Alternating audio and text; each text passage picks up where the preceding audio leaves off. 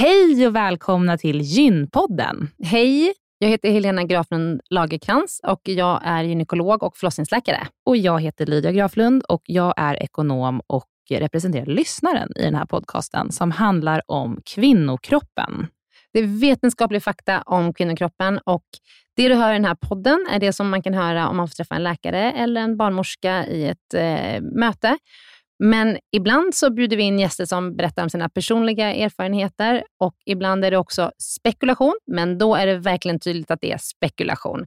Annars är grunden för den här podden vetenskaplig fakta om kvinnokroppen. Så är det. Hoppas att ni vill lyssna. Välkomna. Välkomna.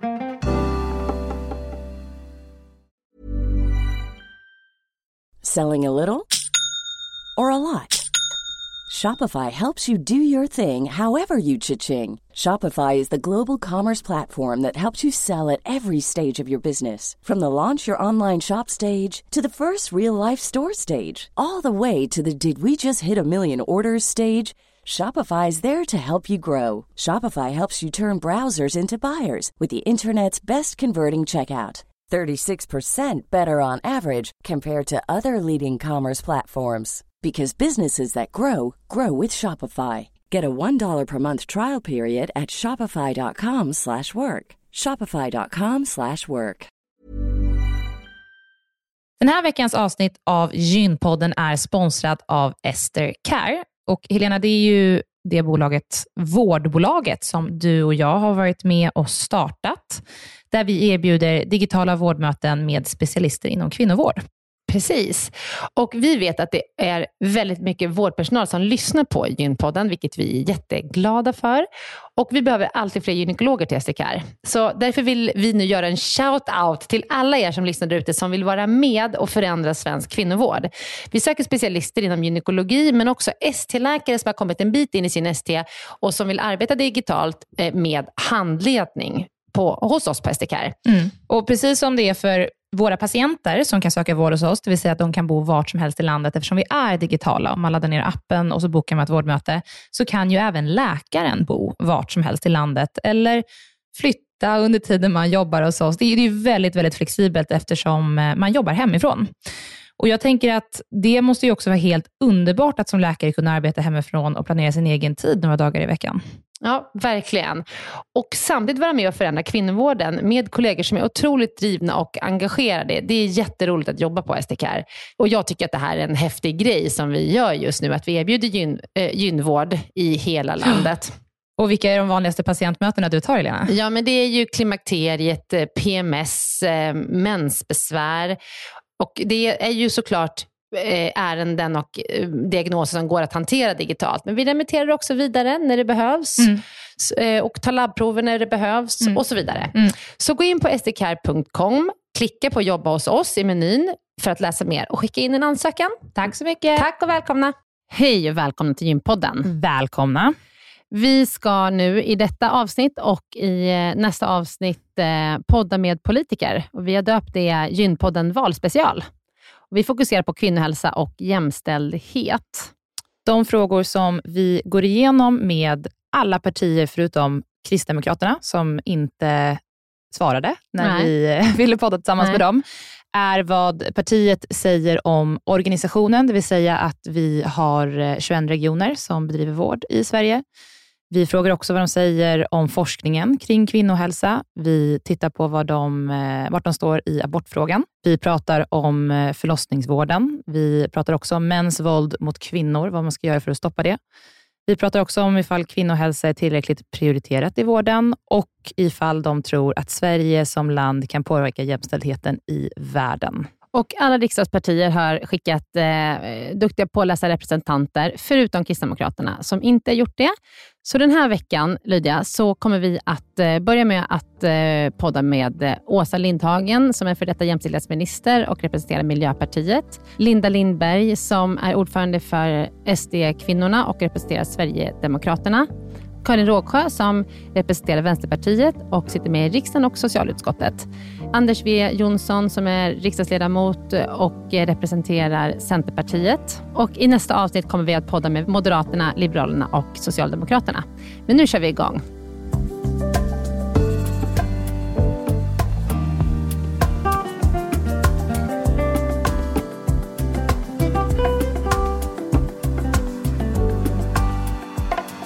Hej Åsa Lindhagen från Miljöpartiet. Hej! Välkommen. Tack. Eh, Åsa, du är här och representerar Miljöpartiet och du är socialpolitisk talesperson för Miljöpartiet. Jajamän. Så du kan de här frågorna som vi ska prata om idag ganska väl tror jag. Ja, jag får hoppas det. Jag satt i en eh, debatt igår med, med Läkarförbundet och då beskrevs jag som expert och då kände jag, ja, nej, nej det, där, det var inte Läkarförbundet, det var en annan eh, debatt. Men, men jag känner viss eh, ödmjukhet. Expert är jag inte, men, men eh, insatt i frågorna politiskt. Vad behöver vi göra där? Mm. Eh, ja. Och det är därför du är här. Ja. Vi kommer inte fråga dig om någonting. Du behöver inte beskriva menscykeln i detalj. Nej, det var Den skönt. expertisen behöver du inte ha. Eh, Men eh, du eh, ehm, utsågs 2019 till jämställdhetsminister i Löfvens regering och satt som minister fram till 2021. Jajamän. Det är ju spännande. Det är Ja. den första ministern vi har här, eller hur? Ja. Kan inte du berätta, vad var dina största, eller vad tyckte du var största, utmaningarna att vara jämställdhetsminister? Nej, Men jag tycker ju alltid, det är ju alltid en utmaning att komma framåt. Jag tänker att det enda skälet varför man sitter i politiken och har ett politiskt uppdrag, det är för att man ska åstadkomma någonting som förbättrar samhället för människor. Och, och då gäller det ju att ja, men vara lite envis. Mm. Eh, Men, men en fråga som jag känner väldigt starkt för är ju barns rättigheter och att vi inte bara ska tala om att ja, det är klart barn har rättigheter och alla barn ska ha det bra, utan vi ska faktiskt göra någonting i praktiken också. Och där har vi ju bland annat barn som far väldigt illa i eh, familjer där, ja, till exempel då när det gäller mäns våld mot kvinnor, där mamman är utsatt för våld. Mm. Och så har vi barn i familjen också och där gör vi inte tillräckligt bra ifrån oss eh, i samhället och inte gentemot kvinnorna heller, både kvinnor och barn som samhället sviker. Så det är- var en fråga som jag kände väldigt starkt för att jag ville att vi skulle ta steg framåt i. Vi kommer komma tillbaka över den, men Mm. lite kort bara, lyckades ni omsätta någonting i praktiken? Ja, men vi har gjort eh, eh, flera bra saker, skjutit till extra satsningar under corona när kvinnor och barn var väldigt utsatta. Man är utsatt för våld i hemmet och dessutom inte kan lämna hemmet. Men sen, eh, en av de viktigaste stegen skulle jag säga, det är att vi har fått igång en utredning som tittar på eh, vårdnad och umgängesfrågor. För idag har vi ju barn som träffar jag menar, en våldsam pappa som de är rädda för. Eh, och eh, Mammorna tvingas slita gråtande barn ut ur lägenhet och in i bilen och köra till de här papporna för att vi har en så otroligt stark föräldrarätt Mm. i Sverige, där papporna, eller, ja, föräldrarna har rätt till sina barn, men barnen har inte rätt till trygghet och skydd. Så det finns en utredning igång just nu som eh, kommer i december, som tittar på hur kan vi förbättra för de här barnen. Så jag hoppas att vi satt igång nu en sten som rullar vidare helt enkelt. För, för här är det väldigt många barn idag som växer upp och rädda. Låt Men oss... du kandiderar till riksdagen, riksdagen i det här valet som kommer nu, så vi får se om du kommer in där och kommer kunna jobba för de frågorna Ja, aktivt i riksdagen. Vi börjar med fråga nummer ett. Eh, Den handlar om hur vården är organiserad. För vården är ju idag uppdelad i 21 regioner, vilket ibland kan eh, ses som onödigt komplicerat. Och det har framförallt varit mycket kritik under covid-pandemin, eftersom det var svårt att samordna eh, IVA-platser, provtagning eh, och så vidare. Eh, Hur ser Miljöpartiet på hur vården är organiserad i Sverige? Alltså det allra viktigaste för oss, det är att vi måste förbättra personalens arbetsvillkor i vården. Eh, och eh, då handlar det både om att jobba systematiskt med arbetsmiljön, men det handlar också om att skjuta in resurser. Så jag vill bara börja där med att säga det. Och där har ju vi gått ut och sagt att eh, vi vill göra en satsning på 40 miljarder, eh, både på vården, men också på ja, den kommunala vården och omsorgen. Eh, från 2026 ska det ligga 40 miljarder permanent. Vi vill inte ha tillfälliga medel. Vi vill ha permanenta medel man kan använda för att anställa mer personal. Eh, för att få bukt med vårdplatsbristen, för att se till att vi kan gå mot en utveckling där vi har en barnmorska per födande kvinna eh, och så vidare. Och då, då behövs det mer resurser, så det är en jätte, jätteviktig fråga för oss. Men sen när det gäller organisering så Ja, vi har väl inte... Eh, vi tänker inte att, eh, att förstatliga vården är... Alltså det är en gigantisk omorganisation och att det kanske inte är just det steget som är allra viktigast nu, men däremot skulle vi kunna se att eh, man skulle kunna ha färre regioner på sikt. 21 regioner kan bli kanske 6-7, att man lättare då kan dra nytta av eh, om man har av eh, eh, ojämn fördelning av, av eh, Mm. vårdbehov inom regionen, att man kan parera mer, att man kan satsa mer på forskning och eh, utveckling och, och så vidare. Så det är någonting vi skulle kunna tänka oss att, eh, att ha färre regioner. Men allra, allra viktigast för oss är att vi får in fler medarbetare. Att, eh, jag träffade en läkare för några dagar sedan som, som jobbar inom sjukhusvården och, och som sagt beskriver verkligen hur man sliter med att hitta de här vårdplatserna och, sitter med också med så etiska dilemman. Ska jag, ska jag skicka hem en patient i, i förväg fast jag egentligen inte vill? Ska jag placera en patient på en överfull eh, avdelning eller ska jag placera patienten på en avdelning som inte kan någonting om den här som, sjukdomen som patienten har? Eh, och, och gå med det varje dag är ju förstås väldigt tungt när man har gått in i vårdyrket för att man vill göra så gott man kan för de människor man möter. Så mer pengar. Många av de partier som vi har poddat med nu eh, pratar om att centralisera vissa delar av vården, vissa riktlinjer från vården kring hur vården ska prioriteras. Hur ser ni på det? Ja, men jag tror att det, det, behövs mer nationell styrning. Och vi har ju också sagt från Miljöpartiets sida att vi skulle till exempel kunna ha en rikskö för cancervård, som, där vi vet att det är så avgörande att man får ja, men, eh, vård snabbt eh, och att man inte ska hamna i, i väntköer. Finns det någon annan del i landet där man kan få hjälp och det fungerar för patienten så, så är det någonting som vi ser eh, väldigt positivt på. Men, men eh, ja, jag tror att det, att det behövs mer att hålla ihop vården också från, från statligt håll och ta, att, att nationella, alltså politiker på nationella nivån tar ett ansvar. Mm. Det bedrivs fortfarande mycket forskning som är anpassat till män eh, och det går åt rätt håll, men vi vet att det är svårt för kvinnliga forskare att få medel och det forskas mindre på kvinnohälsa än andra områden. Hur ser ni på det och vad kan man göra för att förbättra det här? Ja, jämställd vård blev ju ett nytt jämställdhetspolitiskt delmål 2016. Eh, det fanns ju ett skäl till det, eh, därför att vården är ju inte jämställd. Det finns ju en rad olika exempel på det, att Män får bättre vård om man har hjärtinfarkt. Eh, kvinnor kan ha lite andra symptom till exempel. Och vi har ju en historik av att eh, forska eh, mer på manskroppen. Vad har eh, män för behov av sjukvård? Och så översätter man det sen till kvinnokroppen. Ehm, eh, män får i större utsträckning bli inskrivna på en strokeenhet, trots att äldre kvinnor som drabbas av stroke de eh, löper större risk att dö, men, men kvinnor skickas hem och så vidare. Eh, det tar i snitt 6-7 år, eller om det är 7-8 år, att få en diagnos endometrios, eh, som många, många lider av.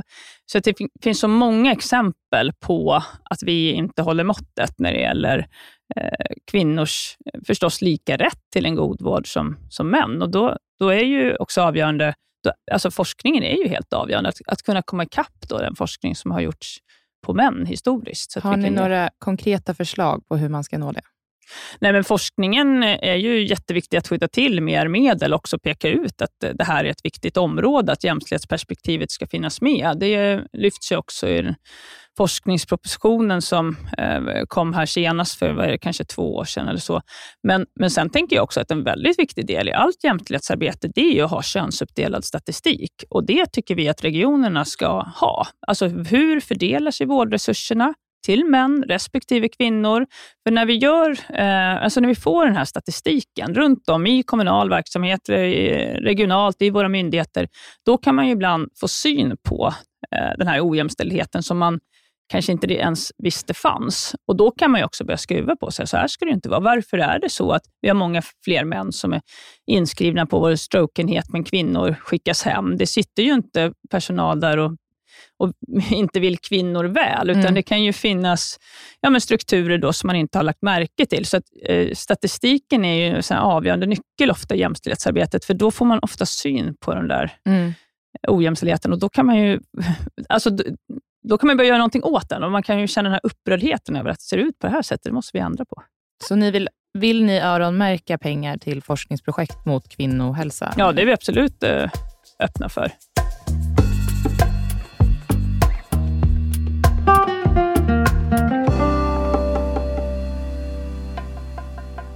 Alla partier i riksdagen står idag bakom eh, svensk abortlagstiftning, men vi vet ju att i många partier så pågår det liksom interna debatter om huruvida man bör förändra lagstiftningen.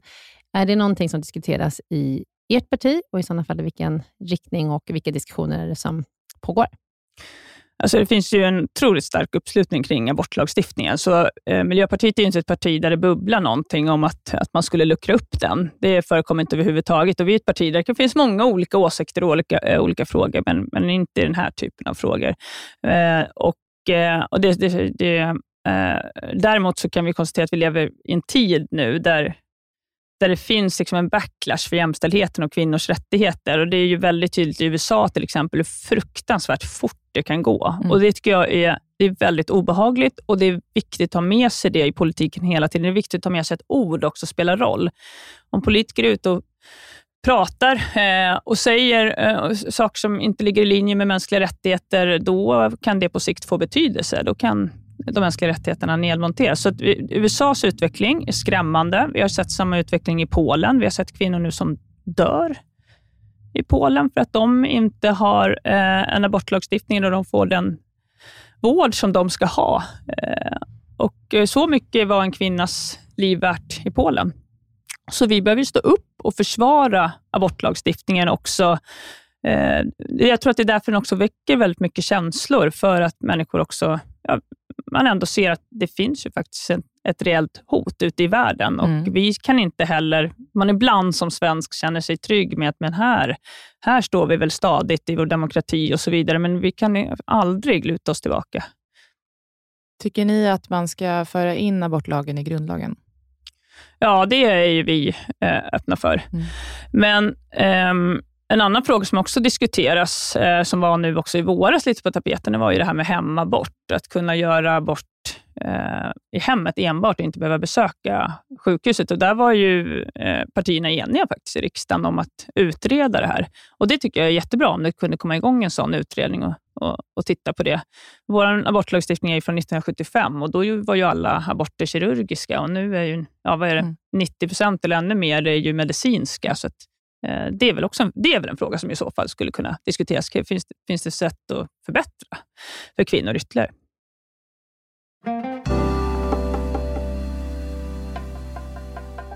Förlossningsvården, alltid på tapeten, har ju varit väldigt aktuell här under våren med eh, uppror här mm. i Stockholm, på, men också i hela Sverige så nedmonteras ju förlossningsvården på många platser.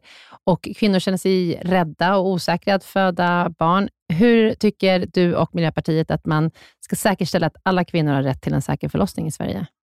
Ja, då är ju personalen nyckeln. Och eh, jag var på eh, en förlossningsavdelning eh, tidigare för några år sedan och träffade fantastisk personal. Då pratade vi om eftervården, som är verkligen eftersatt också. Att hur kan vi jobba med dels att minska förlossningsskadorna, att de överhuvudtaget inträffar, men sen vård om, man, om man väl får skador och så.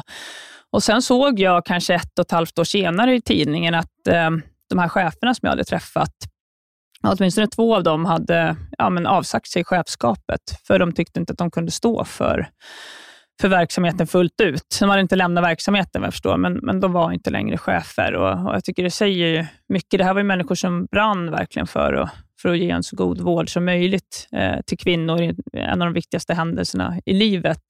Så personalens arbetsvillkor eh, är ju A och O för trygga eh, förlossningar. Vi stärker patientsäkerheten, inte urholkar den, eh, där man har tid för kvinnan och där hon kan känna sig trygg med att jag kommer inte bli avvisad i dörren eh, eller runtskickad som man kan bli i, i till exempel Stockholm. Men det kan också vara så att man har väldigt, väldigt lång väg att resa till en förlossningsklinik. Eh, och där är det också viktigt att, att det finns tillräckligt med förlossningskliniker för att man ska inte ha ett orimligt eh, långt antal mil att resa. Det är också en stor oro för många kvinnor. Så, eh, satsa på personalen och där vill ju vi gå in med, med mycket eh, pengar. För jag tror att ska man vända en sån här situation där så många människor i, i vården också överväger, ska jag lämna? Jag brinner för mitt yrke, men kan jag vara kvar här eller ska jag söka mig någon annanstans? Då måste man förbättra arbetsmiljön och då måste man in med mer resurser, för det finns luft i systemet. Eh, så, så det är personalen som sliter, det är det viktigaste vi har. Det låter som att ni vill lägga mer budget överlag på förlossningsvård och forskning mot, eh, mot kvinnohälsa. Eh, vad vill ni nedprioritera då? Eller, hur tänker, eller var ska pengarna komma ifrån?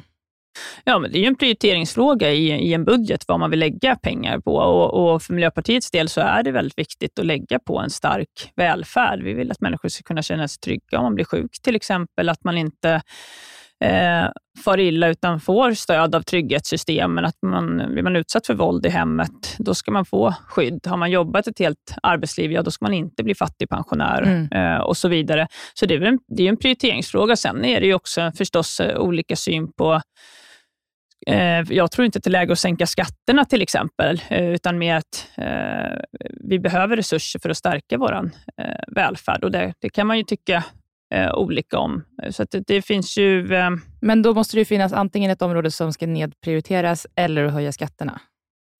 Ja, eller så också handlar det om eh, vad man har för reformutrymme. Om skatteintäkterna växer, vilket, då är det mycket lättare att vara politiker, ja. kan man ju säga. Eh, det kommer in mer skatt bara av sig självt för att fler jobbar och, och det finns en tillväxt. Men, men ehm, eh, och, och ska inte gå in, eh, alltså, nu står vi inför tider nu där det kanske blir lite svårare tider framöver. Mm. Eh, och det kommer ju förstås, då kommer det behöva göras eh, hårdare prioriteringar. Ja. Men eh, jag tycker det är uppenbart att vi behöver mer pengar i, i välfärden och det kommer vara prioriterat för oss. Sen tycker jag också att det är viktigt som politiker att, att också klara av att tänka långsiktigt. För den andra delen när det gäller vården är ju hur kan vi minska till exempel sjukhusbehoven och vårdbehoven? Alltså, mm. Hur kan vi jobba med folkhälsoarbete på ett mycket bättre sätt? Eh, och Det är ju inte alltid lika, vad ska jag säga, det får man kanske inte lika mycket häftiga rubriker i, i media för att, att man vill jobba med folkhälsa, men det, man är inte i politiken för att få fina rubriker i media, även om det kan jag säga, det vill ju varenda politiker ha såklart. Mm. Men det måste ju vara nummer två. Nummer ett måste ju vara att göra det man tror på är rätt. Och Då behöver vi också jobba med folkhälsoinsatser. Vi har ju till exempel eh, luftföroreningar, inte minst i de större städerna, mm. eh, som orsakar sjukdomar. Vi lider av stress i det här samhället som vi lever i, inte minst kvinnor som har dubbelt så höga sjukskrivningstal som män eh, och så vidare. Så hur, hur bygger vi ett samhälle då där, där människor ja. mår bättre. Men för att eh, bara få ett konkret svar på ja. frågan. Vill ni höja skatterna och vilket område vill ni prioritera ner? Nej, men vi är öppna för att höja skatterna och där kan vi ju se att ojämlikheten har ju eh, ökat i samhället och då gäller det inte minst kapital inte så mycket inkomstarbete, utan att kapitalet har, där det finns väldigt stora skillnader mellan människor. och Där kan man ju titta på, är det, är det rimligt med, med kapitalskatterna till exempel? Eh, så det är väl ett, ett område i så fall. Men, men eh, Eh, Eh, och vi är förstås också väldigt positiva till att höja miljöskatter, eh, men där är ju också förhoppningen att de skatterna på sikt ska minska för att människor förändrar sitt beteende och gör på ett annat sätt, så att det inte är lika stabilt eh, skatteintag. Men eh, det är ju en prioritering i slutändan också, där man sitter och eh, bollar olika områden och, och då kommer välfärden vara prioriterad och förstås klimat och miljöarbete.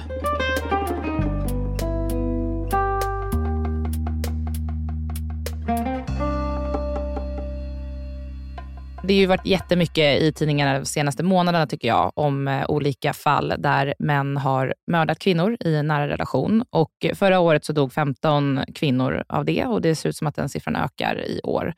Vad, hur ser ert parti på det här området och vad vill ni göra för att stoppa den här utvecklingen? Alltså, vi vill ju att mäns våld mot kvinnor ska bli en valfråga. Jag hade önskat att den hade varit högre på agendan. Mm. Nu är det några veckor kvar. Det, där, det går lite i vågor hur mycket man pratar om det här. Jag skulle önska att man pratar om mäns våld mot kvinnor och också hedersrelaterat våld och förtryck konstant, eh, jämt. Därför att det här är ett av våra största samhällsproblem. Mm. Att eh, kvinnor inte kan vara skydda, trygga i sitt eget hem. Alltså, på den plats där man mer än någon annanstans skulle få vara trygg. Eh, där kan man istället leva och, och vara rädd för sitt eget liv. Ja, men det är så eh, fruktansvärt. Ja, ja det är verkligen fruktansvärt och, och också ett stort eh, misslyckande att vi inte har lyckats skydda eh, kvinnor och barn eh, bättre än vad, än vad, vi har gjort. Så mm. det, eh, men vad kan man konkret göra för att skydda kvinnor? Ja, men det finns ju många saker man behöver göra, men vi har ju, alltså en väldigt viktig del är ju när en eh, kvinna vill lämna en, en relation så måste samhället backa upp henne mycket, mycket mer. Eh, vi vill ju se en dörr ut ur en våldsam relation, där eh, man har en kontakt eh, i det offentliga, i kommunen, där man får det stöd man behöver. Du behöver sjukvård, vi lotsar dig in dit. Vi behöver dokumentation av bevis. Vi kanske ska försöka gå in i en rättsprocess. Vi hjälper dig med det.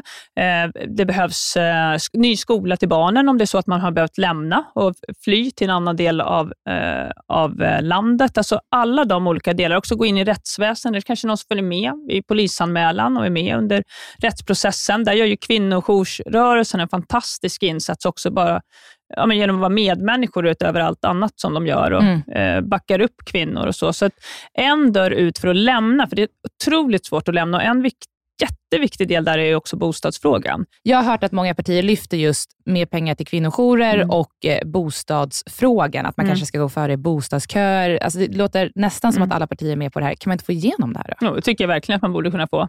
Uh, en del är ju, jag tycker vi behöver mer lagstiftning. Jag har jobbat med de här frågorna när jag var kommunpolitiker. Uh. men det går ju som kommunpolitiker om du har ett bostadsbolag, det har inte alla kommuner. Men uh, sätt en förtur. Ja. Våldsutsatta kvinnor ska få förstahandskontrakt. Ja. Om det inte är så att det är så pass farligt så de måste bo i en annan stad, men då kanske man kan byta lägenheter med kommunen i den staden. Ja. Jag tycker det ska vara en självklarhet att kvinnor och barn som har flytt från våld, det har mm. alltså varit så våldsamt att de har behövt lämna sitt hem. De ska inte ställas eh, ute på gatan och hamna i hemlöshet. För det, det finns ju kvinnor nu och barn som eh, hankar sig fram i, i tredjehandsboenden eller de bor hos eh, en kompis på en soffa under en tid eller de bor inneboende. De försöker på olika sätt lösa sin situation. Det är inte värdigt. För den våldsutövande mannen, han bor kvar i lägenheten. Kan inte han byta kommun? Jo, vad, vad kan jag och Helena göra ja. för att driva på det här? Men kan, skulle man kunna få den alltså, våldsutövaren att byta kommun? Ja, det skulle man kunna göra. Jo, eh, ja, det finns exempel på socialsekreterare som faktiskt har övertygat mannen om att flytta på sig. De har liksom satt press. De har ingen laglig rätt att göra det. Nej. Men det är ju fantastiska eldsjälar som eh, det finns det exempel på och så har kvinnan kunnat bo kvar. Eh, jag tror att man skulle kunna ha ja, men kanske mer, mer systematiskt jobba med att ja, det kanske finns ett, något jourboende dit han får flytta. Nu är inte jag, jag är intresserad av att kvinnor och barnen får det de behöver, men om det är ett sätt att de kan få bo kvar och sen får han lösa sin situation på, på bästa sätt själv. Jag bara tänker kvinnor, alltså de, de flyttar till nya kommuner, långt ifrån sina familjer, vänner, mm. jobb, liksom, medan han lever kvar där. Precis. Eh, alltså det, ja. Nej, men det, och, det är ju, och sen har vi de kvinnor som, eh, de kvinnor som lever under ett sånt våldsamt eh, situation och som har flytt, att de, eh, de måste leva gömda. Och Det är ju kvinnor som får otroligt illa. Eh, där är risk för, för deras liv varje dag och, och lever med skyddade personuppgifter. De har det jätte, jättetufft. Jag har pratat med två kvinnor i telefon för några år sedan och då kände jag Alltså jag, jag hade så svårt att hitta orden vad jag skulle säga till dem. Eh, för de ställer den här väldigt relevanta frågan. Varför det är deras liv som ska begränsas och inte mm. de våldsamma männens. Mm. Varför, det, varför det är de som ska leva gömda medan mm. han då kan vandra runt i frihet. Och Då ska jag säga en konkret sak som vi vill göra från Miljöpartiet. Det är att vi vill använda fotboja i mycket större utsträckning. Vi vill öka alltså området för fotboja. Du eh, eh, får inte röra dig inom det här området. Du har kontaktförbud och vi mäter det med fotboja. Du får, där får du inte vara. För Vi måste bli mycket bättre på att sätta liksom kvinnornas trygghet frihet och frihet först. Så det skulle vi vilja göra bland annat. Vi, vi vill ju skärpa eh, straffen på en, eh, på en del områden när det gäller mäns våld mot kvinnor. Vi har redan gjort det och vi behöver fortsätta skärpa straffen. Men sen måste vi också jobba med, ja, men som sagt, med stödet till de våldsamma, eller våldsutsatta kvinnorna och barnen och eh, också jobba med det förebyggande arbetet redan i skola och förskola. De normer som gör att det finns mm. Det, här, mm. de här, det här våldet i samhället. Tycker du att kvinnohälsa är tillräckligt prioriterat i vården? Det tror jag att ditt svar är nej. Men hur ska man komma vidare med arbetet att eh, kvinnor eh, i större utsträckning får träffa specialist när hon behöver och att det inte är liksom ett till två års väntetid att komma till gynekolog i vissa regioner. Hur liksom, eh, hjälper man kvinnor att komma till rätt vård? Ja, men där är ju resursfrågan eh, eh, helt central, att vi har, behöver fler medarbetare i, i vården. Och Eh, och då, eh, jag, menar, jag har en, eh, eh en bekant som skulle eh, specialisera sig till gynekolog och var inne i den, den processen, men det var för dåliga villkor på arbetsplatsen, så hon bytte specialitet. Men det var egentligen det hon verkligen ville göra. Och, och då måste det vara bra arbetsvillkor inom kvinnohälsan, så att medarbetarna vill stanna.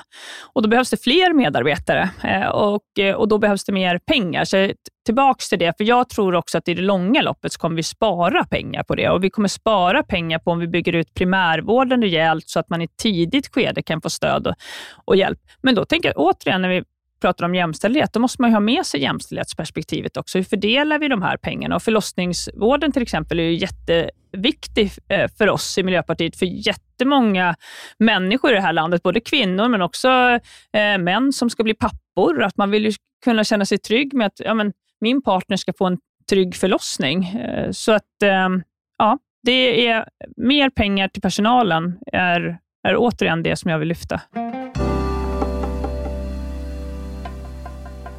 Vi ligger ju i framkant ändå när det kommer till jämställdhet eh, relativt andra länder i världen. Eh, tycker ert parti att Sverige kan påverka jämställdheten i världen och hur? Ja, eh, det tycker jag. Och det tänker jag så var en av ändå eh, de, eh, alltså när jag blev jämställdhetsminister så hade jag jobbat mycket på kommunal nivå som kommunpolitiker innan. Och eh, att vara ute och också representera Sverige internationellt, då får man verkligen upp blicken för att, eh, att väldigt många eh, runt om i världen har ett stort förtroende för Sverige. Och när det gäller jämställdhetsfrågor, när man, man tittar hur gör Sverige och, och eh, och där kan ju vi, i och med att vi har jobbat mycket med jämställdhet, vi har så mycket kvar att göra, vill jag bara säga, men vi har kommit långt jämfört med många andra länder och då använda den vad säger, kraften i att vara föregångare för att visa andra att det faktiskt går. Besök från Japan till exempel, vill kolla på föräldraförsäkring och så vidare. Mm. Det tror jag har betydelse. Mm. Men sen handlar det också om att vi ser en backlash i jämställdheten runt om i världen. Eh, när det sker förhandlingar mellan länder och man ska komma överens om till exempel gemensamma eh, ståndpunkter för eh, jämställdhet, vad behöver vi göra framåt? Då finns det krafter som till och med vill backa utvecklingen, inte bara stå stilla, utan de vill backa. Eh, och där tror jag att Sverige har en jätteviktig roll att, att hela tiden slå vakt om att vi ska inte ta ett enda steg bakåt, utan vi ska driva på framåt. Och det, det, det betyder någonting att vi sitter och kämpar i de där förhandlingsrummen. Mm. Tusen tack Åsa Lindhagen från Miljöpartiet för att du har kommit hit och svarat på våra frågor. Tusen tack. Tack, tack. tack för att jag fick komma.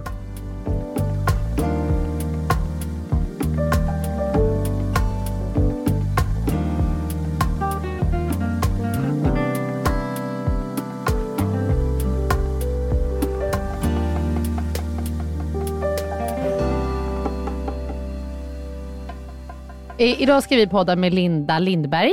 Välkommen. Välkommen. Tack så mycket. Och Tack. du representerar Sverigedemokraterna. Det stämmer bra. Och eh, Linda, du är skåning, Helsingborg. Ja. ja.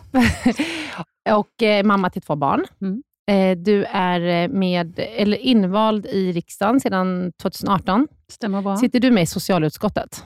Jag sitter i socialutskottet mm. jag som ledamot där. Ja.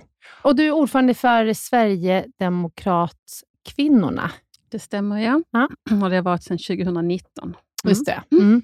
Och eh, Linda, vi har sju frågor som vi brukar ta oss igenom och du ska få svara mm. efter yes. bästa förmåga. Mm. Mm. Kör vi. Då kör vi. Mm.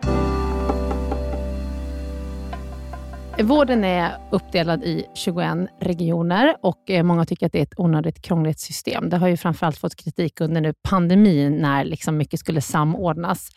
Eh, hur eh, tycker Sverigedemokraterna att vården ska organiseras? Alltså man kan ju se nu framförallt efter pandemin, att det har ju tydliggjort bristerna i styrningen.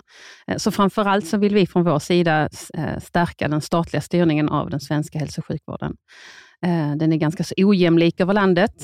Ehm, och eh, efter att vi har gjort de här första viktiga insatserna, att se till att till exempel att vi faktiskt har en bra arbetsmiljö ute i landet, att vi har eh, personal som kan, kan arbeta ner vårdköerna, ehm, så vill vi också utreda eh, den svenska hälso och sjukvården och på vilket sätt vi bäst kan organisera oss. Så vi har inte tagit ställning till om det är att minska antalet regioner eller ett totalt, över, alltså ett totalt övertagande till staten, så att säga. Men vi måste skruva på på eh, styrningen idag i alla fall och göra den mycket, mycket mer eh, stark än vad den är idag. Det är inte rimligt att man kan sitta som eh, företrädare eller minister och eh, skylla ifrån sig på eh, regionerna. Nej, men, men eh, jag tänker eh, om, ni skulle, om ni skulle vara de som styr Sverige, kan man få något liksom, konkretiserande i hur det här skulle kunna effektiviseras? Du, för ni tänker inte då det, liksom primärt att förstatliga vården, utan men har ni, gått, liksom, har ni något, gått, pratat i termerna om mm. hur? Ja, alltså vi har tittat på den danska modellen till exempel. Och Den innebär i stort att man mer eller mindre har privatiserat primärvården, att läkarna äger sina egna eh, vårdcentraler. Uh, och att då det sen den specialistvården mer eller mindre är, är då på statlig regi. Och Det är ju ett sätt att uh, öka den statliga styrningen på ett sätt. Och vi har idag olagligt långa vårdköer. Uh, vi har en jätteojämlik vård över landet och det är ju inte rimligt. Eh, så det måste vi helt enkelt få bort. Vi har länge lyft frågan om att förstatliga just specialistvården.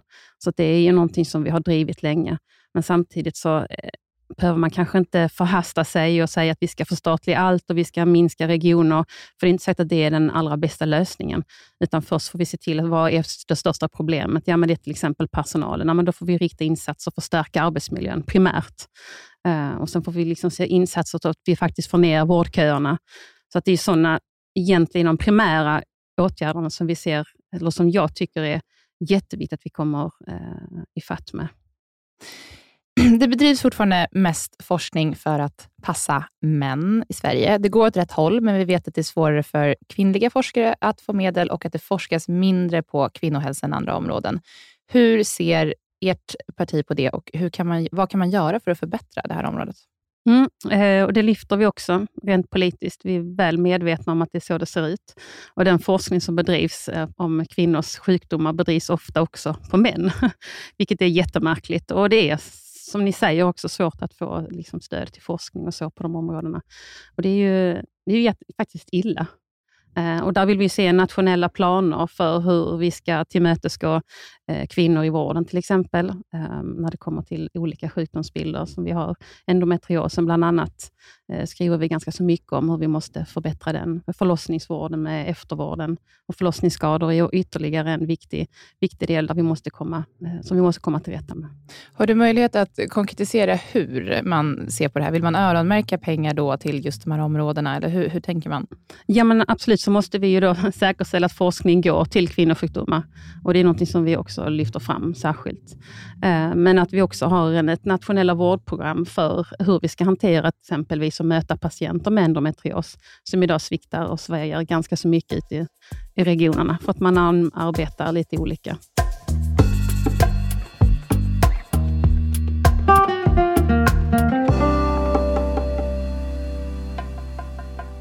Alla riksdagspartier stödjer ju abortlagstiftningen, också Sverigedemokraterna. Men jag vet att det har pågått väldigt mycket diskussioner internt i ert parti om att man bör eh, sänka eh, abortgränserna och ganska eh, vad man säger, tunga positioner i ert parti som tycker att man ska sänka abortgränsen.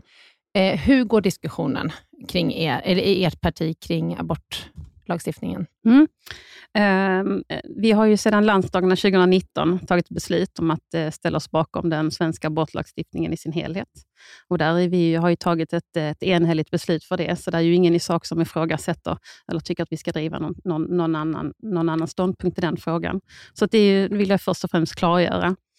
Eh, sen är det, ju, det är det ju faktiskt så att samtliga partier i Sveriges riksdag idag faktiskt står bakom en, en, en, tidsgräns för när man får lov att göra abort. Så att efter vecka 18 eller då vecka 21 så, så är det ju faktiskt en, eh, en gräns. Det finns ju ingen fri rätt idag i Sverige. Det är ju, står ju även Socialdemokraterna bakom till exempel, som har varit väldigt höga svansför i den här frågan. Eh, men anledningen till att vi tidigare hade eh, ett förslag om att sänka Eh, rätten till abort innan man behöver koppla in Socialstyrelsen. Det har egentligen varit ur ett kvinnohälsoperspektiv. För att ju, ju längre i graviditeten man går, ju större riskerar man också komplikationerna blir och påverkan på den kvinnliga hälsan. Ehm, så vi har velat få ner antalet sena aborter. Och när vi nu då tittade efter, eh, efter förra valet och frågan blev högaktuell, så tittade vi på just hur ser egentligen siffrorna ut då med de sena aborterna. Och då är den eh, ganska så liten, alltså den, de man talen abort som görs efter vecka 12. Och Då fanns det heller inget, eh, ingen grund för att driva den frågan längre, för det syfte som vi hade, det var redan uppnått.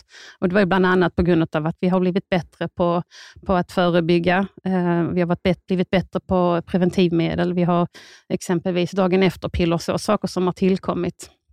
Och också informationen kring det som gör att det är en icke-fråga för oss att driva. Nu ska jag vara lite ifrågasättande här. Mm -hmm. jag tänker att, eller tänker ni då att, att um, man inte ska utsätta kvinnor för att, för att göra en sen abort på grund av komplikationer, men är det bättre då, även de här sena, liksom att tvinga henne till ett föräldraskap som hon inte är beredd att ta sig an? Nej, nej, nej, ingen ska tvingas till ett föräldraskap som inte man, som inte man vill. Och där är det råder i den svenska abortlagstiftningen och den, den, den ifrågasätter vi inte. Men att man eh, efter vecka 12, eh, då man då behöver ansöka till Socialstyrelsen, då menar vi att då vill vi koppla in liksom ah, mer samtal och mer stöd och så runt omkring, om kvinnan så önskar. Okej, okay, men så det, som era tidigare förslag skulle man ändå få göra abort fram till vecka 21 plus 6 eller 18 ja, ja. plus 0. Ja. Vi har aldrig Men, velat inskränka rätten till abort. Nej. nej. Är du orolig ibland för eh, att abortlagstiftningen skulle kunna komma att ändras i Sverige, givet hur det ser ut alltså bara i Polen, om man tittar så nära, eller i USA? Är du mm. orolig för hur det kan bli i Sverige? Med de riksdagspartier som idag sitter i Sveriges riksdag, så kan jag inte se att det överhuvudtaget skulle vara aktuellt. Så det ser jag ingen oro för alls. Hur ser ni på att införa abortlagen som den ser ut idag, grundlagen? Alltså det är en fråga som har diskuterats. Eh, och det är också en, eh, idag ser inte vi att det finns någon anledning med tanke på att det finns liksom ingen majoritet eller inget parti som driver den frågan om att förändra abortlagstiftningen. Men bland annat så är vi ju ganska så överens, eller faktiskt alla partier i riksdagen överens om att vi vill titta på den här eh, möjligheten att kunna göra hemaborter i sin helhet. Um, så att det är snarare att, den, eh, att abortlagstiftningen, att möjligheten för kvinnan att styra över sin kropp eh, blir starkare, ja. än, än, att den blir snävare. Så att jag, nej, jag kan inte se. Jag tänker att man som kvinna i Sverige, eller som kvinna i världen just nu, så känner man ju att det, det trodde man ju kanske inte skulle kunna hända i USA heller. Och så har ju det svängt otroligt fort och inskränker ju på hur mycket kvinnors mänskliga rättigheter som helst.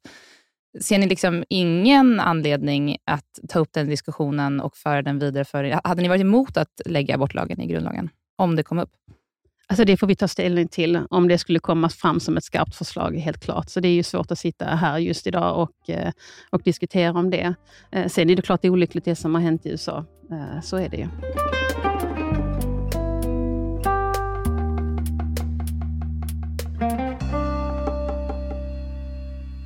Förlossningsvården är i kris i stora delar av landet. Det handlar både om att eh, förlossningsavdelningar och BB läggs ner på lite eh, mindre orter och att eh, barnmorskor inte orkar jobba på förlossningsavdelningar. Vad har ni för förslag för att förbättra förlossningsvården och att alla kvinnor i Sverige känner att man har möjlighet till en trygg förlossning? Mm. Och Det är också en fråga som vi driver och tittar väldigt mycket på. Och Återigen så kommer vi till eh, bristen på personal eh, och att det är en ohållbar arbetssituation på många håll i landet. Och Där har vi miss, alltså misslyckats. Där har både regionerna och staten i någon mening misslyckats med personalpolitiken. Eh, sen har vi också haft en, en stor befolkningstillväxt de senaste åren som också gör att välfärden inte riktigt har hunnit med att matcha eh, den, till, alltså den efterfrågan som, som har kommit. Och Det gör ju att personal då väljer att eh, inte fortsätta arbeta som barnmorska exempelvis, och man väljer andra, andra yrkesgrupper. Um, och De behöver vi locka tillbaka in i, um, i förlossningsvården igen. Ju. Eh, sen så ser vi också att när det kommer till utbildningsplatser, så att ja, eh, de kan vi utöka också. Absolut ska vi göra det, om det finns en efterfrågan på det. Men samtidigt så är det ju, ser vi också att det är många som när man väl gör sin praktik eh, och är ute på avdelningarna, så väljer man ändå att eh, arbeta med någonting annat för att arbetsmiljön är så ansträngd eh, Och där måste vi ju återigen som jag sa med, med vårdköerna och det andra innan om regionerna, där måste vi ju tillsätta medel för att komma till rätta med det. Mm. Och, det är också, och det är också mycket kvinnor som jobbar inom den eh, sektorn. Eh, och här behöver vi verkligen se till, om vi ska ha en hög svansföring för, för kvinnors bästa i Sverige, så är här har vi jättetydligt exempel på där vi faktiskt brister när det kommer till omsorgen och sjukvården. Och hur får vi barnmorskor att stanna i förlossningsvården? Är det liksom högre lön eller? Ja, men det är ju säkerligen eh, en faktor. Att, att det, är såklart att det driver. Eh, men det är ju vad jag har förstått när jag har pratat med, med barnmorskor och jag har varit ute på olika förlossningsavdelningar, så är det ju dels ryckigheten eh, från regionerna, att man inte riktigt vet. Att det är inte så långsiktig planering. Man vet inte riktigt vilken budget man har att förhålla sig till. Sverige drivs också i stora delar i projektform. Att vi har olika projekt för olika saker och vi missar långsiktigheten. Eh, och Det blir också en, en otrygg eh, arbetsmiljö i förlängningen. Och nu tappar jag nästan lite tråden vad jag skulle säga. Men, Hur lockar vi barnmorskorna till förlossningsvården? Ja, så det är ju att eh, dels eh, se till att det är ordentliga eh, ersättningar, att man har en bra lön, men också att man kan styra över sin, sitt arbete och känna en trygghet på sin arbetsplats och att man har kompetent eh, personal omkring sig. Och eh, Tycker du att det är riktigt att eh, man lägger ner lite mindre enheter där man inte är säker på... Det, mycket pratar man om att det är liksom kompetensförsörjning, att man inte har tillräckligt många födslar. Är, mm. det liksom, är det den förlossningsvården vi ska ha? Att man har lite större enheter, liksom, även fast kvinnorna får resa lite längre? Alltså det är klart att jag skulle haft en förlossningsavdelning i varje by. Liksom. Alltså någonstans. Så det är klart det är det man vill, att man vill ha närheten och tillgängligheten och tryggheten och sådär. Och framförallt när det rör sig om förstföderskor. Ehm, jag har varit i diskussion med bland annat eh, företrädare för något sjukhus längre upp i landet, där man la ner sin avdelning. Och då har man löst att man har ökat upp med, med patienthotell till exempel, så de som reser en, en längre bit, som eh, um, framförallt i förstföderskor som är lite oroliga, de får då liksom gå in och bo på patienthotellet och ha då med det nära till, till vården. Ehm, vi vill också se till exempel specialist, specialutrustade ambulanser som, som kan täcka upp där man har lite längre avstånd. För någonstans handlar det också om effektivitet och kvalitet liksom, i slutändan. Om det kommer komplikationer så behöver man ha eh, många delar av övriga sjukhuset nära till hands.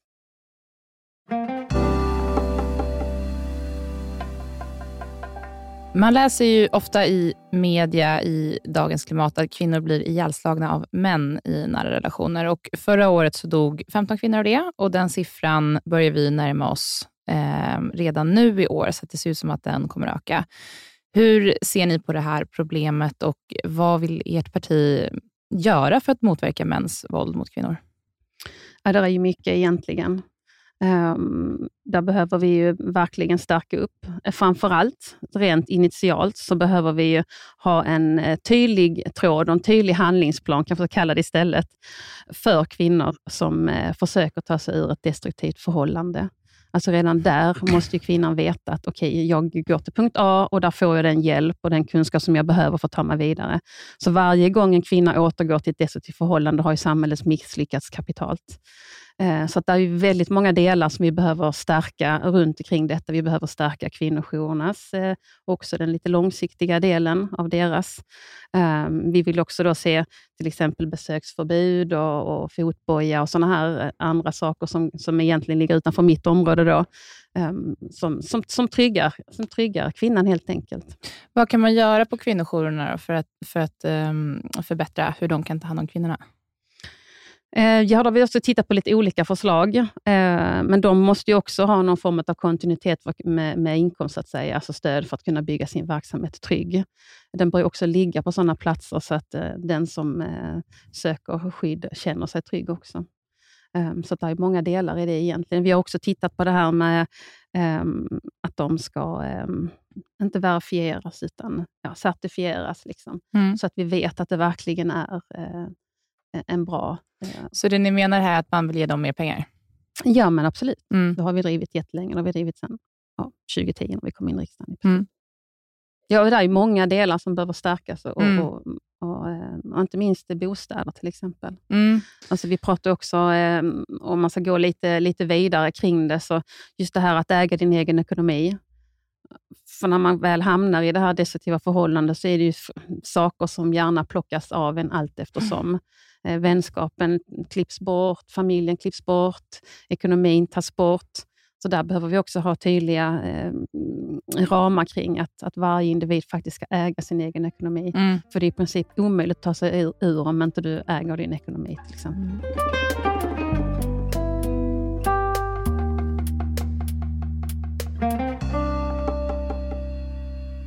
Kvinnohälsa är ju inte tillräckligt prioriterat i samhället. Det är vi ju alla överens om. Mm, mm. Eh, till exempel så är det ju flera års väntetid, eller i varje fall upp till något års väntetid i vissa regioner på att få träffa en gynekolog. Man blir hänvisad till vårdcentralen som inte är, alltid är så insatta i hur kvinnor ska behandlas genom till exempel klimakteriet. Och i Skåne, där du kommer ifrån, jättesvårt att få tid att komma till en gynekolog, mm. för att eh, de, man har gjort om systemet lite grann där. Vad ska vi göra för att kvinnor ska känna att man får den hjälp man är liksom berättigad till? Ja, eh, um och den är ju givetvis också prioriterad.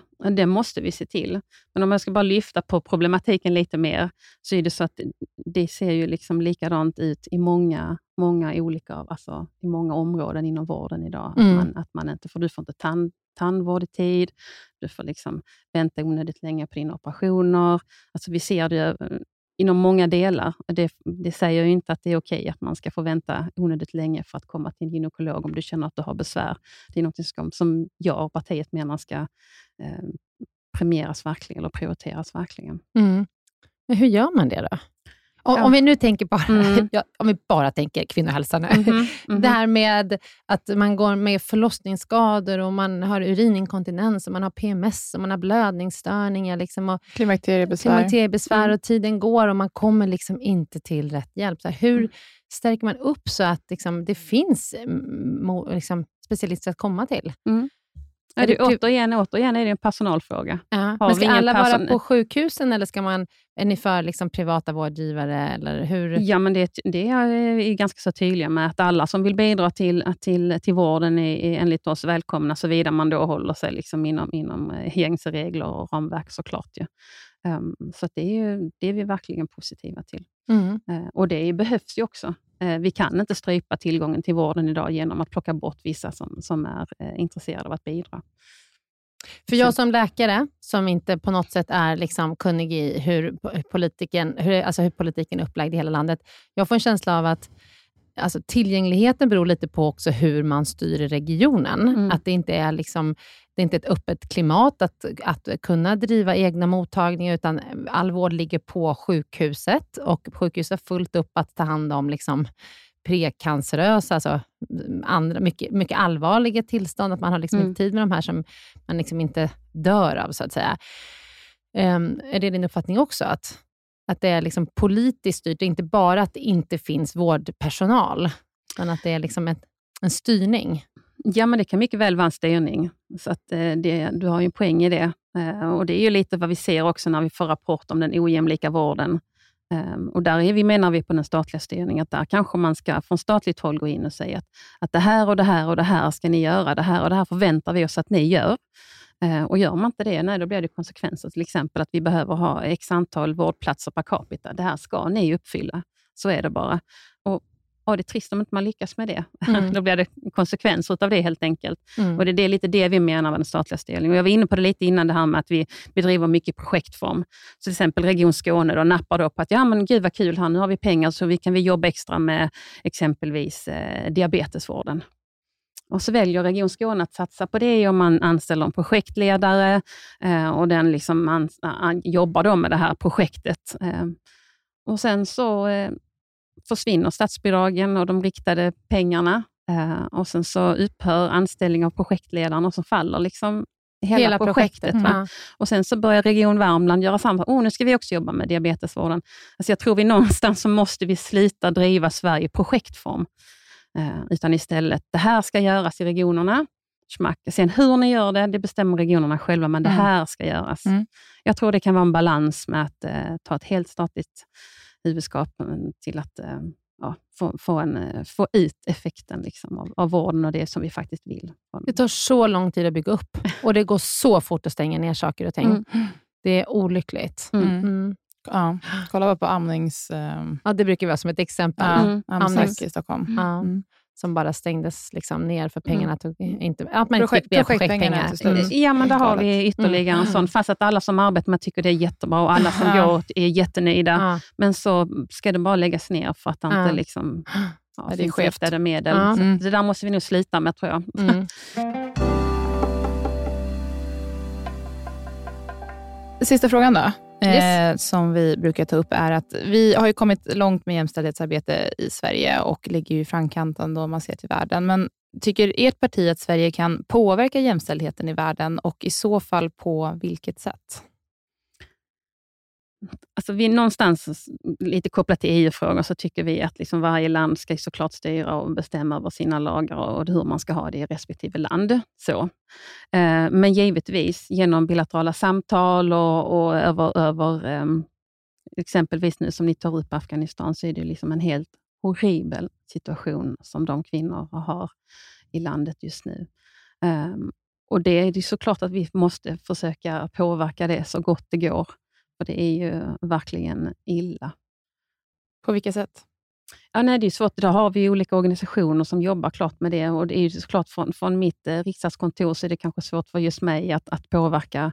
Eh, men man får ju klart bilda opinion att, att det här är ett dåligt sätt att, eh, att, att hantera kvinnor helt enkelt. Ja.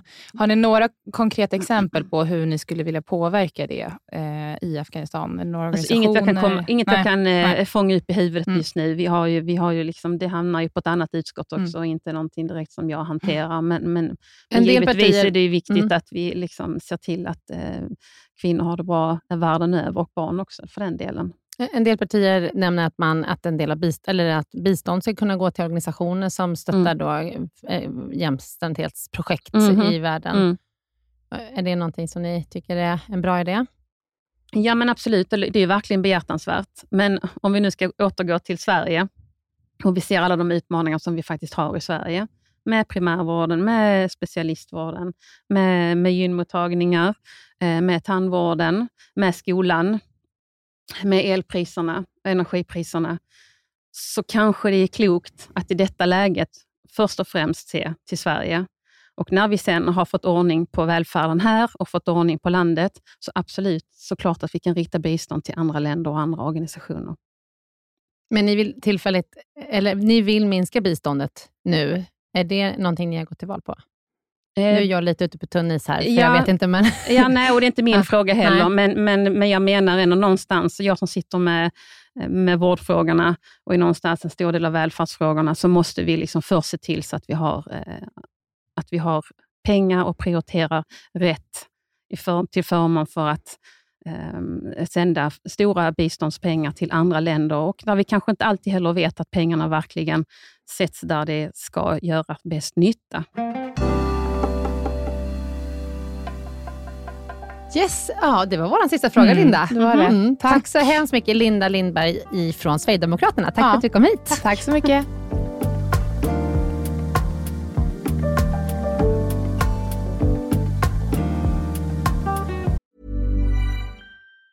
If you're struggling to lose weight, you've probably heard about weight loss medications like Wigovi or Zepbound, and you might be wondering if they're right for you.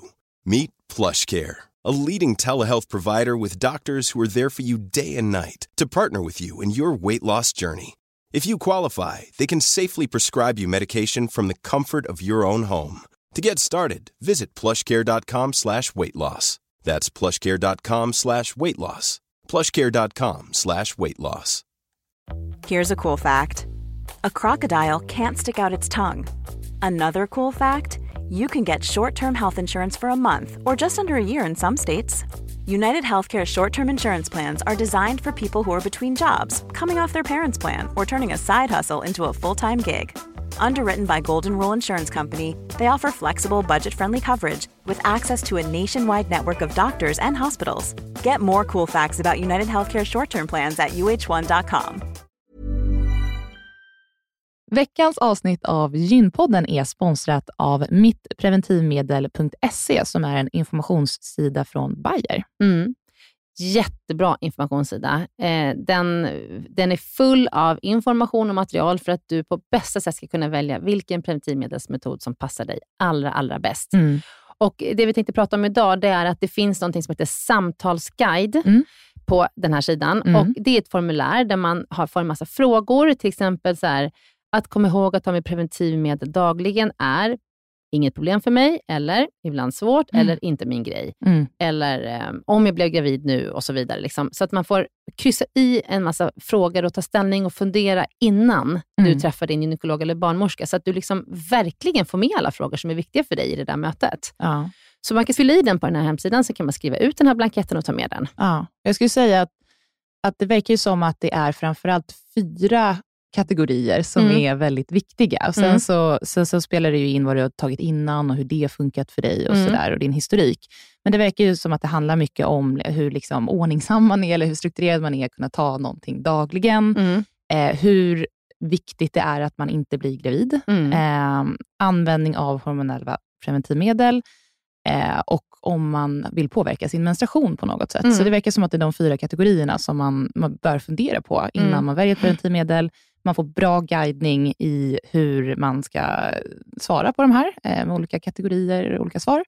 Och Sen så tar man med sig det till sitt möte med barnmorska och gynekolog och då är man väl förberedd. Mm. Och Jag lovar er att om ni gör det här innan ni går eh, till en barnmorska eller gynekolog, då kommer ni få mycket bättre hjälp. För att det här är liksom ingenting som bara finns i en, utan man måste liksom fundera lite på så här, Ja. vad är viktigt för mig. Vill jag ha mens eller inte? Ja. Och så vidare. Så att, gå in på mittpreventivmedel.se och titta runt där och gör den här eh, ja, samtals, ja, samtalsguiden. samtalsguiden. Ja.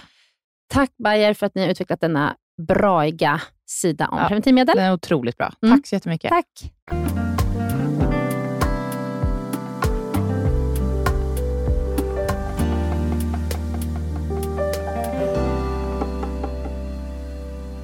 Idag har vi Vänsterpartiet här. Karin Rågsjö, välkommen. Tack. Vi pratade precis om att du är born and raised Stockholm Mm. och du är invald i Sveriges riksdag 2014 och, Mm. och sitter i socialutskottet. Yes, jag är så här vårdpolitisk talesperson. Ah, perfekt. Toppen ha alltså, vi har en tungviktare här som kommer kunna svara på alla våra frågor. Mm. Och eh, du är mamma till Ja, ett barn ett och barn. farmor då till två barn. Mm. Mm. Men du, då kör vi igång med grillningen nu då. Snälla frågor. Lite Asch, Aschberg-stuket över här. Nu kör vi. Vården är idag uppdelad i 21 regioner och Mm. det här ses ju ibland som lite onödigt komplicerat. Man har ju tyckt ibland annat under pandemin att samverka i alla regioner. Hur ställer sig Vänsterpartiet till att behålla 21 regioner eller förändra det på något sätt? Eh, Vi ville redan eh, 2014 tror jag var, förändra det till sex regioner. Det tycker vi hade varit listigare, så att det blir lite större, så man har lite mer eh, så att säga, utifrån att arbeta med större golv att stå på, så att säga, och kan hjälpa varandra på ett mer effektivt sätt. Eh, Men det röstades ner. Nu sitter vi med 21 regioner och vi tycker fortfarande att sex regioner är, det är läge för att ändra det. Så att säga. Men däremot så vill vi ha en ökad statlig styrning. Eh, för staten kan ju inte liksom sätta sig och, och vänta på att SKR ska ta fram nästa papper, så att säga, om man ska uttrycka mig så. SKR är Sveriges... Sveriges kommuner och regioner som har en ganska eh, stark ställning inom det här området. Och SKR är ju ingen myndighet, va? utan de är en, en organisation för arbetsgivare. Det ska man inte glömma bort. Men det är också genom SKR som pengar går och så vidare. Så. Eh, men vi vill ha en annan statlig styrning när det gäller exempelvis utbildning, kompetensen. Eh, det ska inte vara fri lek. Eh, Man ska inte få liksom bestämma i varje region att nej, men vi har ingen kompetensutveckling här. Utan det ska vara samma. Man ska försöka få en likvärdig vård. Det tycker vi är superviktigt. Och Då måste staten gå in och styra upp lite mer. Det här har jag tyckt låtit snarlikt med de partier vi har poddat med so far. Så jag hoppas att det här kan ske en förändring om, om eh, partierna har samsyn. Ja. Eh, Tycker du inte att partierna har samsyn, Karin, i just det här att det ska vara mer statligt, eller ett inflytande i att det ska vara liksom jämnare kompetensförsörjning till exempel Mm, i ja, det, landet? för jag blev väldigt förvånad. Jag kom in här 2014. Jag har jobbat med folkhälsofrågor väldigt länge, eh, som kommunikationsstrateg, alltså med reklam och så vidare. Eh, men eh, då tyckte jag att det var lite märkligt att det var så stora skillnader när det gäller, alltså, mellan olika regioner, vad man gjorde och inte gjorde. Mm. Inte ens riktlinjer som Socialstyrelsen tagit fram funkar i 21 regioner, utan det är så mycket fri lek. Och Jag tror ju då att de som sticker ut är KD med sina eh, ta bort-regionerna. Och där är det ingen liksom som har hängt på ännu. Men jag tror att vi har en stor samsyn att man måste, man måste titta på att hur staten ska gå in och styra Mm. och att det måste bli mer jämlikt. Vi satt ju ändå under pandemin. Vi, vi var ju det utskott, eh, förutom finansutskottet, då, som hade vansinnigt många möten. Och Då såg man att det gled isär väldigt mycket. Va? Vaccinationer, testning. Det var väldigt olika. Och så olika kan man inte ha det helt enkelt. Mm. Ja, vidare till nästa fråga. Eh, det bedrivs fortfarande mest forskning för att passa män. Mm. Eh, och Det har ju gått åt rätt håll, men vi vet att det är svårare för kvinnliga forskare att få medel och det forskas Mm. mindre på kvinnohälsa än andra områden.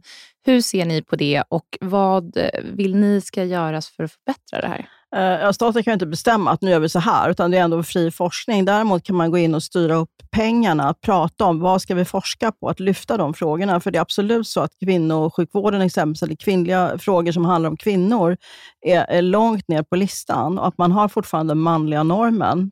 Eh, det kanske också är därför som eh, exempelvis förlossningsvården står så inte så prioriterat, vilket är lite märkligt. Utan man måste få igång de här frågorna. Men det, då måste ju också forskningsinstitutet, typ KI, alla de andra, se till att man jobbar på ett annat sätt också. Va? För att få in eh, kvinnliga perspektiv, hitta områden och så vidare.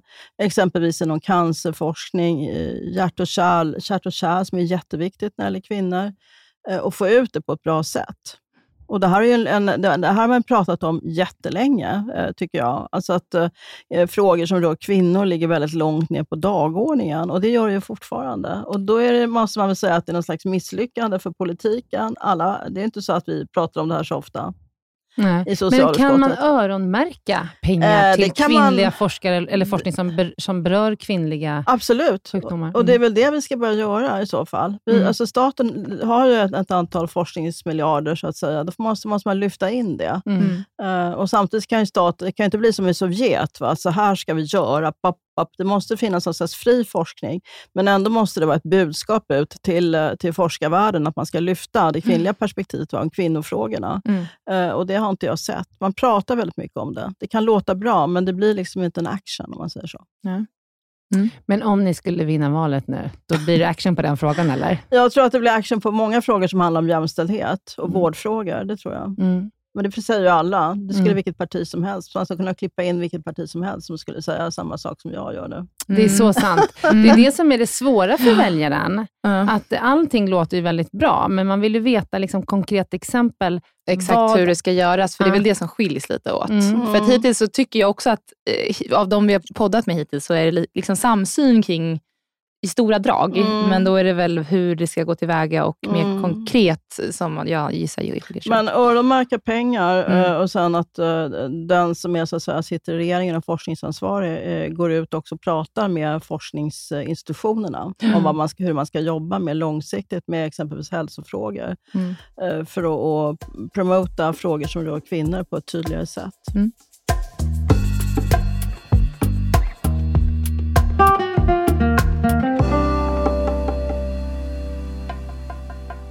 Alla riksdagspartier i Sverige står ju bakom den svenska abortlagen. Mm. Eh, Men det kan ju ändå pågå liksom interna diskussioner i partierna om eh, hur man ser på den här. En del diskuterar kanske att man vill sänka abortgränsen eller förändra på något annat sätt. Eh, Hur ser Vänsterpartiet på aborträtten? Eller rätten till fri abort till vecka 18? Ja, vi står förstås bakom den och vi har ingen intern diskussion just nu om att vi ska förändra den, utan vi har en bra abortlagstiftning.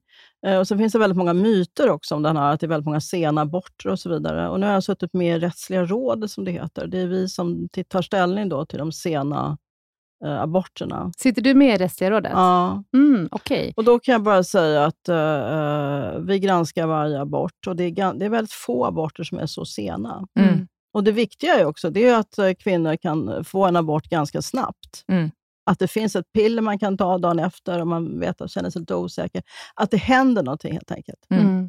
Så tillgänglig abortvård. Tillgänglig abortvåg, eh, snabb eh, tillitsfull, liksom, Mm. så att personen känner att det inte är något eh, vad ska vi säga, skambelagt att Mm. göra abort. Det är väldigt många kvinnor som har gjort abort. Mm. Och man pratar inte om det. Nej.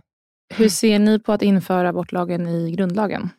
Det tror jag kanske vore bra. Det är mycket man skulle vilja föra in i, i grundlagen, exempelvis också public service-frågor och så vidare.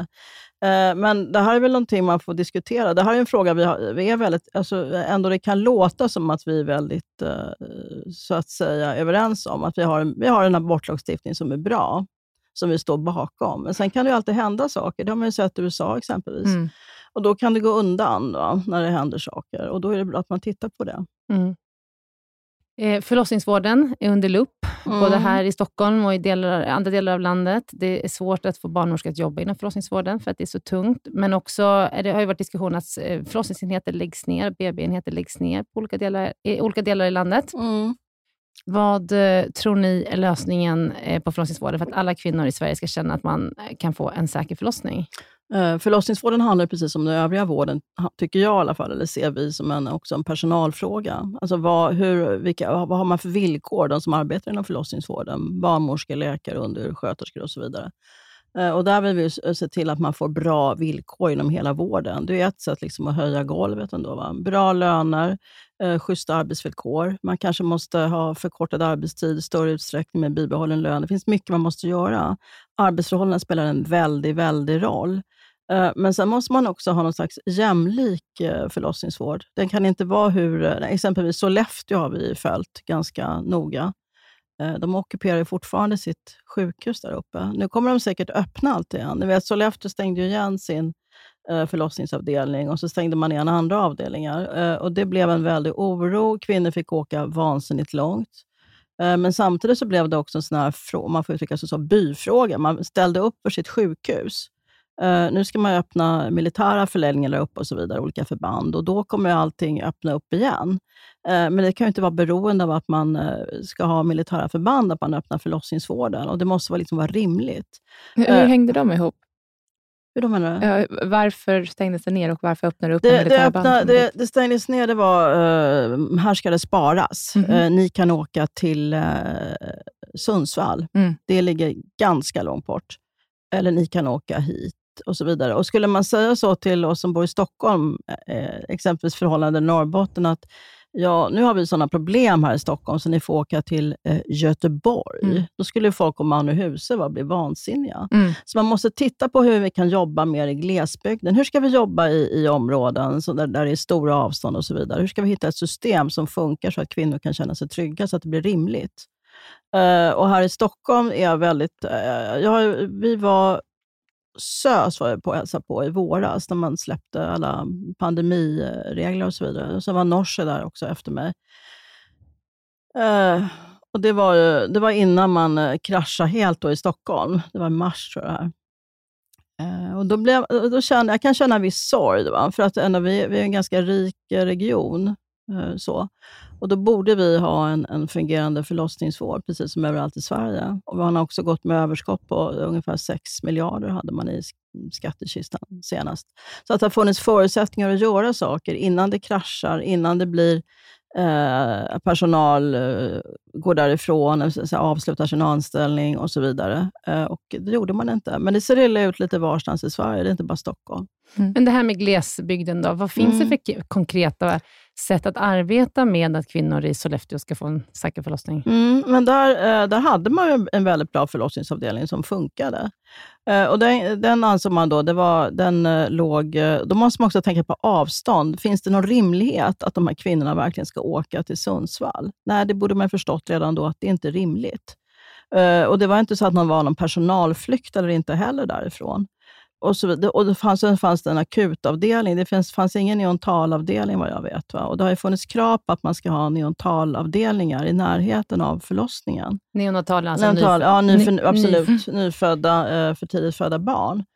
Eh, och, ja, det är en sån här fråga man måste djupdyka i tror jag, ganska snabbt. Vi, kan, vi, vi är ju inte uh, så att säga, läkare, alltså förstår ni? Vi måste, man måste också kunna se hur, vi, hur ska vi jobba i glesbygden. Vad kan vi acceptera? Uh, kan vi öppna fler BB? Förlossningsavdelningar lite varstans utan att ha avdelningar för för tidigt födda barn exempelvis. Vad är, vad är rimligheten? Kan de barnen snabbt uh, genom helikoptertransport, det här ska ju ske väldigt snabbt, då, uh, åka någon annanstans? Alltså det måste finnas idéer runt det. Och Det har man inte pratat om, utan man har lagt ner istället. Lite det måste ju få kosta också. Ja, det är klart. Mm. Och Det handlar om jämlikhet. Jag mm. menar, om, jag, om jag skulle bo, låt oss säga i Sorsele, eller ja, ni vet, långt upp långt, långt upp, Kiruna. Uh, och sen så tas mina rättigheter ifrån mig. Det blir nästan så. Va? Nu tar vi bort förlossningsavdelningen härifrån, den här mm. ganska stora orten. Och så hänvisar vi dig till att ja, du får väl bo i uh, i någon annan större stad då under en period innan du föder barn. Du får bo på hotell. Alltså det blir eh, ganska ovärdigt. Det blir en väldigt stor skillnad. Man måste ändå hitta en struktur så att det blir mer jämlikt. Och, men då måste man också diskutera vad är det som krävs av förlossningsavdelningarna. Eh, eh, akut är alltid bra, så man kan göra akuta saker med de som kommer in, så att säga, operation. Neontal, eh, alltså avdelningar för, för, för tidigt födda barn, är ju lite mäckigare. Mm. Så det här är en jättefråga. Mm. Mm. Och här i Stockholm är det bara att anställa fler barnmorskor och läkare och ge dem bra arbetsvillkor mm. Eh, och bygga upp eh, ytterligare en BB. Det kommer ju, alltså, när människor växer, befolkningen växer, måste man också möta det på ett bra sätt.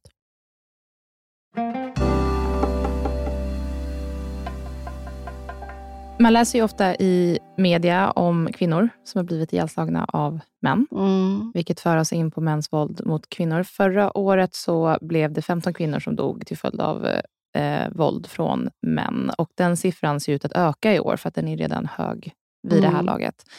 Hur ser ni på det här problemet och vad vill ert parti göra för att motverka mäns våld mot kvinnor? Eh, det här är ett folkhälsoproblem. Det är så, all, det är så många. Och det är verkligen, jag tänkte på Aftonbladet har gjort eh, en beskrivning av det här år efter år. Alltså antalet kvinnor, man får läsa historierna, vad var vad som hände och så vidare. Uh, och uh, där handlar det om att det ska finnas, man, kvinnor måste känna sig säkra att dra. Så att säga. Det ska, måste finnas förutsättningar för tjejer att sticka, för kvinnor att sticka med sina barn. Mm. Uh, och de måste då veta, då måste man också gå ut och kanske ha en uh, informationsinsats, vad vet jag, om vad är varningstecken för sådana här män? Det, mm. det är att, oftast att det kan börja direkt. Första slaget, då är det dags att gå. Ja, ni förstår vad jag menar. Alltså mm. att, inte, att inte tillåta, eh, ingen tolerans för någon typ av våld. Va? Det finns inga, man kan inte säga förklaringar, han var för full eller han var, eh, mådde inte bra, han har blivit uppsagd, whatsoever. Nej, nej, nej, nej, nej. Utan första slaget, då måste man sticka. Sen måste det finnas förutsättningar för kvinnor att bo någon annanstans än kanske också i skyddade boenden. Eh, skyddade boenden kan man ju bo i, i eh, en kort period, men inte länge med barn. Det måste finnas lägenheter att tillgå. Sen kan man ju alltid fundera också på uh, varför det är kvinnan som alltid flyttar och mannen alltid bor kvar. Mm. Och Sen måste det vara så att man följer upp. När, om kvinnor har, har begärt kontaktförbud exempelvis, då måste det följas upp och man måste vara väldigt lyhörd. Eh, jag tycker man bara i väldigt, väldigt, alltså i undantagsfall ska säga nej till kontaktförbud. Eh, för att eh, de här männen, de bryr sig liksom inte om straff riktigt. Va? Utan de, de är så genomsjuka, om jag får uttrycka mig så, så att de bara kör helt enkelt. Och att det är så många kvinnor också i alla faktiskt samhällsklasser som, som blir utsatta för våld. Och vi, man kanske pratar om det för lite i samhället också. Det blir så lite skambelagt fortfarande, tror jag, eh, för en kvinna att gå till sin arbetsplats och säga jag, har blivit misshandlad av min man. Det mm. är, det är inte bra. Men man måste också tidigt börja prata om det här i skolan, tror jag. Alltså, vad är det som är okej? Okay? Mm. Och vad, vad, ska du tänka på som tjej och som kille? Mm. Där kanske man ska prata om våld överlag. Och våld, absolut våld överlag. Ja. Mm. Men kontaktförbud och sen eh, liksom, vad blir för straff på om de inte följs? Mm. För det är väl det också, att det vanligaste tidpunkten att bli utsatt för, ett grovt, för väldigt grovt, mm. eller att man mm. blir mördad, är ju faktiskt när kvinnan väljer att lämna. Ja, precis. Och då står hon ju väldigt skyddslös. Lös. Så att, uh, det är klart det måste vara straff för att inte följa sitt, alltså ganska höga straff, tycker jag, mm. tycker vi, om, om liksom kontaktförbudet bryts, så att säga. Mm. Uh, och att det också måste finnas lätta kanaler. Kvinnor som är utsatta för våld och har kontakter inom socialtjänsten, polisen då förstås, uh, de måste ha ett nummer de kan ringa och där måste någon lyssna direkt. Och att kvinnor ska bli trodda också, mm. inte negligerade, uh, ignorerade. Mm. Och det här är, Fotboja?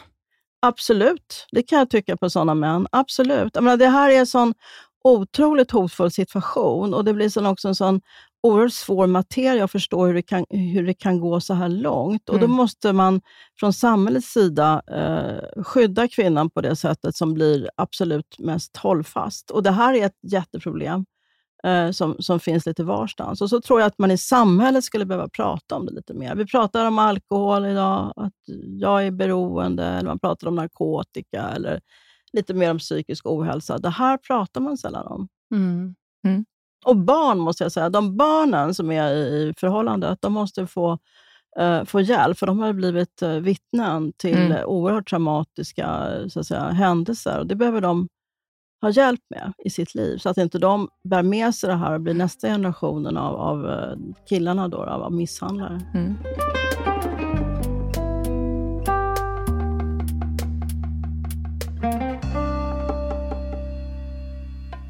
Nästa fråga är, ehm, den är formulerad så här, är kvinnohälsa tillräckligt prioriterad i vården? Och det, jag tror att jag vet vad du ska Mm. svara på det.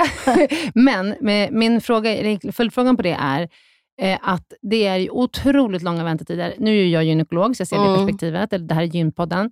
Eh, att träffa en gynekolog, vi fick höra idag, i Gävleborgs län, eller i Gävle, eller region Gävleborg, så var det ju ett år att träffa en gynekolog. Och i i Östersund är det två Östersund år. är det upp till två år, Mm. gick man ut med. Och det är otroligt svårt att få gyntider. Eh, och det finns ju bara på sjukhusen. Det finns liksom inte små privata mottagningar med gynekologer där man snabbt kan få hjälp med sina liksom, Mm.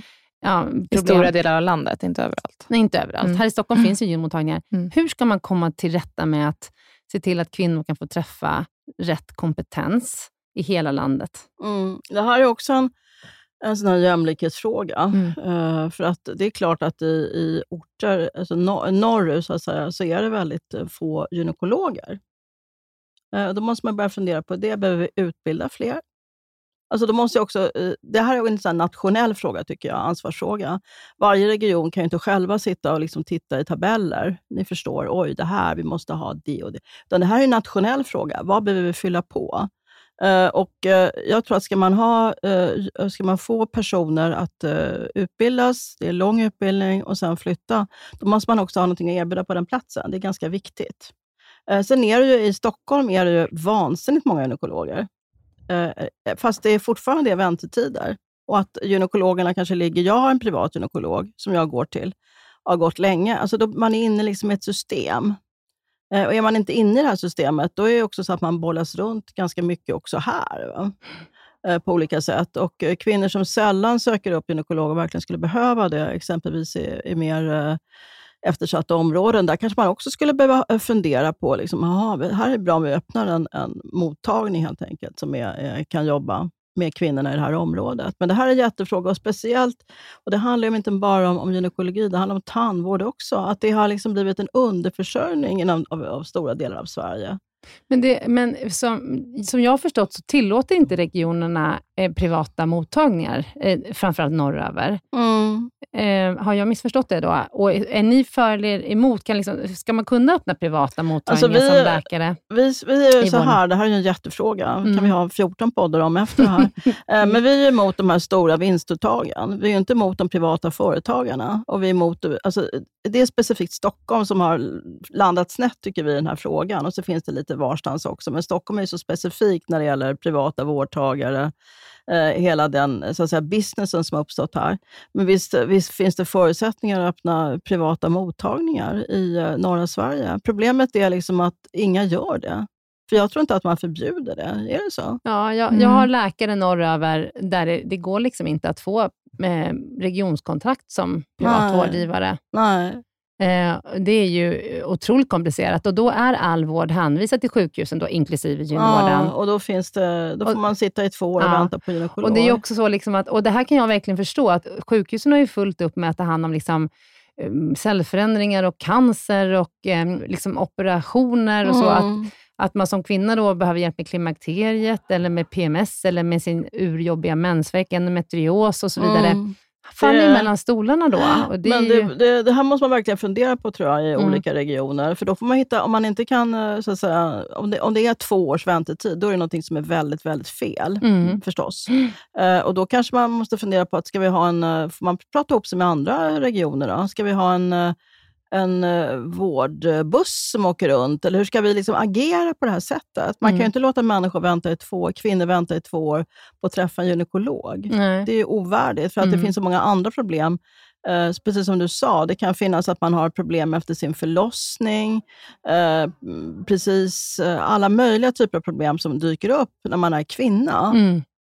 Eh, klimakterie, jättefråga. Urinkontinens. urinkontinens. Mm. Det finns hur mycket som helst. Eh, och Då är det ovärdigt att man ska vänta i två år. Mm. Och det, det tycker jag är en sån fråga som man måste prioritera. Sen är det här det här med privat och offentligt, det, det är, för oss handlar det väldigt mycket om att vi är emot de här stora vinstdrivande bolagen som man pumpar ut och att det har blivit sån segregerad vård, eh, speciellt i Stockholm. Det har blivit olika, alltså hälsoskillnaderna är enorma. Du menar mellan olika mellan delar av olika Stockholm? Delar av Stockholm. Ja, mm. den, den, etableringsrätten gör att uh, du kan öppna, du bestämmer själv var du ska öppna din mottagning. Mm. Det är inte liksom de politiska beslut, utan när man tittar på behoven. Men det är ett problem. Alltså det är Stockholm är ju Stockholm. Det här är vårt problem. Sen i övriga Sverige så är det, är det väldigt stora problem med eh, att det inte finns vård. Att det inte finns gynekologer, eh, tandläkare, också såna extrema väntetider till. Mm. Och Då tycker jag så här att de här regionerna borde ha reagerat för länge sedan. Alltså det är det som blir konstigt. Det är då den här statliga styrningen inte funkar. Eh, när, man, när man säger så här, ah, oj då, nu är det två års väntetid till en onkolog. Och då, sorry, sorry, det var till tandläkaren också. Då har man hamnat helt snett. Mm. Och då, då skulle staten trätt in för länge sedan, så man haft någon slags koll. Hur ser det ut? Vad ska vi göra för någonting? Det här måste man kunna lösa. Det här är politiskt ansvar för de regionerna också, tycker jag. Mm. Vad, ska man säga? Att två år, det är ovärdigt. Mm.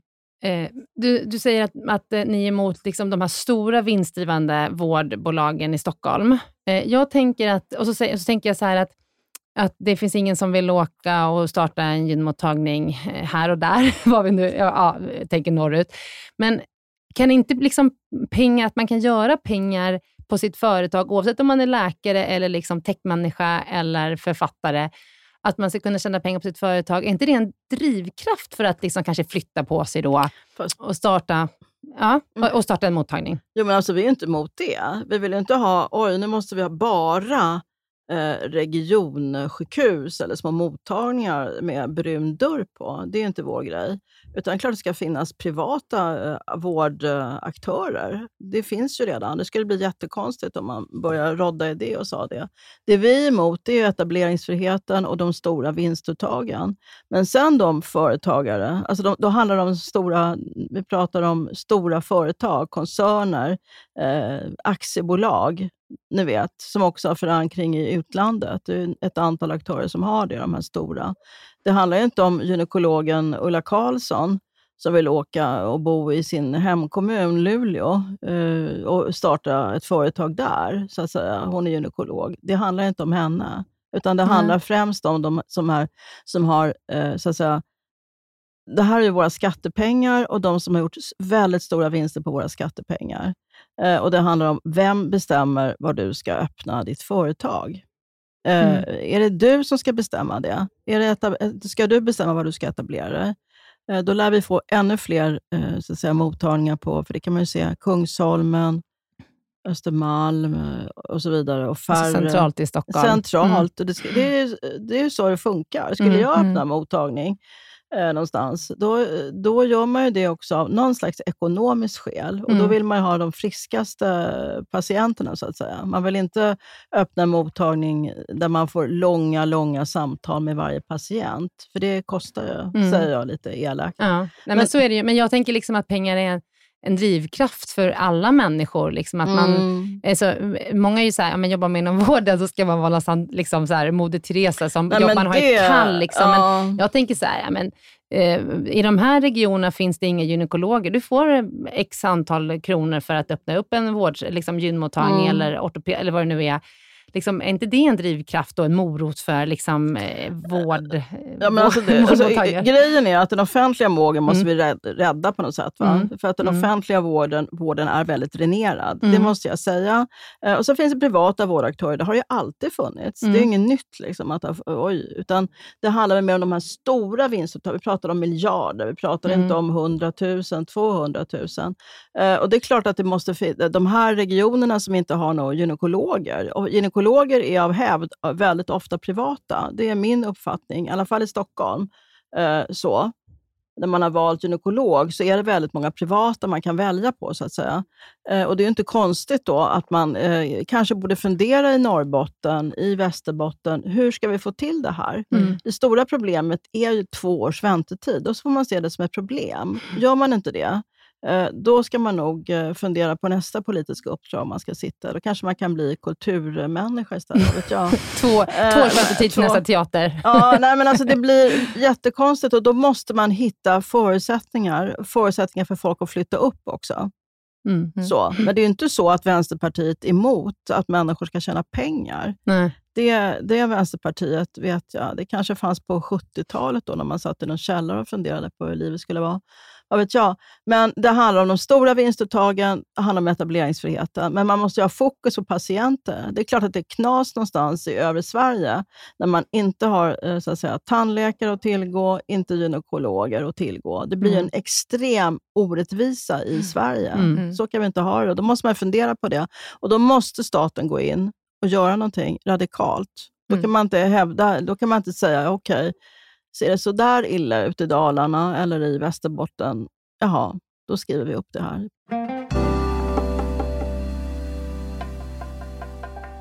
Vi ligger i framkant när det kommer till jämställdhet i mm. Sverige, relativt många andra länder. Men det har ju varit en negativ tid nu på jämställdhetsfronten. Man ser till Afghanistan och vad som har mm. hänt med aborträtten i USA. Tycker Vänsterpartiet att Sverige kan påverka jämställdheten i världen och i så fall på vilket sätt? Absolut, tror jag det. Eh, tillsammans med andra länder och de organisationer som finns. Eh, som riksdagsledamot har man möjligheter att åka ut i världen. Eh, jag har varit exempelvis i Zambia, i Tanzania, för jag tycker det är intressant, för det är en helt annan eh, kontext än vad vi har. Och Då ser man de extrema skillnaderna som finns, alltså den extrema ojämställdheten, mm. eh, som är Oj, oj, oj. Och då handlar det om att man inte ska dra ner bidragen till, till de organisationer som jobbar i de här länderna. Eh, jag tycker det är helt fel att säga så här, eh, jaha, Afghanistan, det är en, det är en fruktansvärd eh, regim. Eh, och så. Men då måste man kunna påverka det. För att om alla flyr från Afghanistan, alla organisationer, alla sticker därifrån, då finns det ju ingen input från friska sammanhang, om ni mm. förstår vad jag säger. Utan det, det, blir så här, det blir otroligt isolerat. Jag tycker man ska stödja så mycket som möjligt och gå in med bra projekt helt enkelt. Vilka tycker du mer konkret att man ska stötta då? Vad för typ av organisationer? Eh, de som jobbar med exempelvis utbildning i Afghanistan. Eh, nu får inte flickor, de kan gå i skolan till sex sexan tror jag och sen ska de giftas bort i stort sett. Mm. Den typen av organisationer som slåss för utbildning. Det handlar också om organisationer som jobbar med med eh, frågor som rör eh, kvinnor, exempelvis omskärelse, alltså de operationer som kvinnor måste göra för att kunna föda barn, för att kunna ha ett mänskligt liv överhuvudtaget. Eh, de som jobbar med, med förlossning, alltså förlossning, möjligheten till förlossning. Vi åkte runt i, i Tanzania och Zambia var ju eh, ja, man blev eh, vad ska vi säga, lite deppad. Eh, så det, de, den typen av organisationer som jobbar aktivt, proaktivt, som är på golvet, så att säga. Läkare utan, alltså ni vet alla de här bra organisationerna, Läkare utan gränser, eh, Röda Korset, hjälporganisationer som funkar. Det ska man ha koll på också. Mm. Ja, du, tusen, tack ja. Karin för att du var med i podden. Bra svarat. Mm. Jättebra. Tack, tack så hemskt mycket. Tack, tack själva.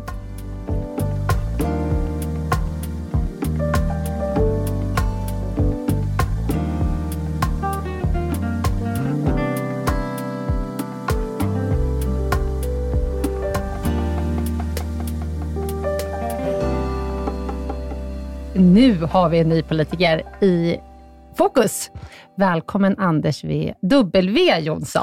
Tack så hemskt mycket. och jag satt faktiskt och funderade på, vad står W för? W står för Vedin. När vi skulle gifta oss, jag och min fru, så eh, kunde jag inte ta namnet Anders Vedin, för hennes bror hette det. Och det var Mm. väldigt fiffigt att få någonting mer än Anders Jonsson, för det är ju en dussinvara. Mm. Det finns ju ett antal barnläkare ett antal politiker har det varit också som heter Anders Jonsson. Och, det Och du är ju båda. Ihop. Ja, precis. Mm. Så att det är ett väldigt bra sätt att eh, kunna skilja ut sig från alla andra. Just det. Elaka kamrater säger att det betyder viktig Petter, men det dementerar jag. Okej, vi får se kommande 20 minuterna då, om Ja. det stämmer eller inte. Eh, Anders, det är jätteroligt att du är med i Gympodden. Och du är ju både barnläkare och politiker, så det är en fantastisk kombination. Och du är eh, riksdagsledamot för Centerpartiet och eh, vice partiledare. Nej, jag har varit vice partiledare, Okej. men det, jag avgick från det i september, så att nu är jag gruppledare fortfarande och Ja. riksdagsledamot. Måste uppdateras på hemsidan. Okej, eh, och du bor med din familj, två döttrar, fru, på en gård någonstans norrut. ja, någonstans norrut. Det mesta i Sverige är norrut i Ja. förhållande till Stockholm.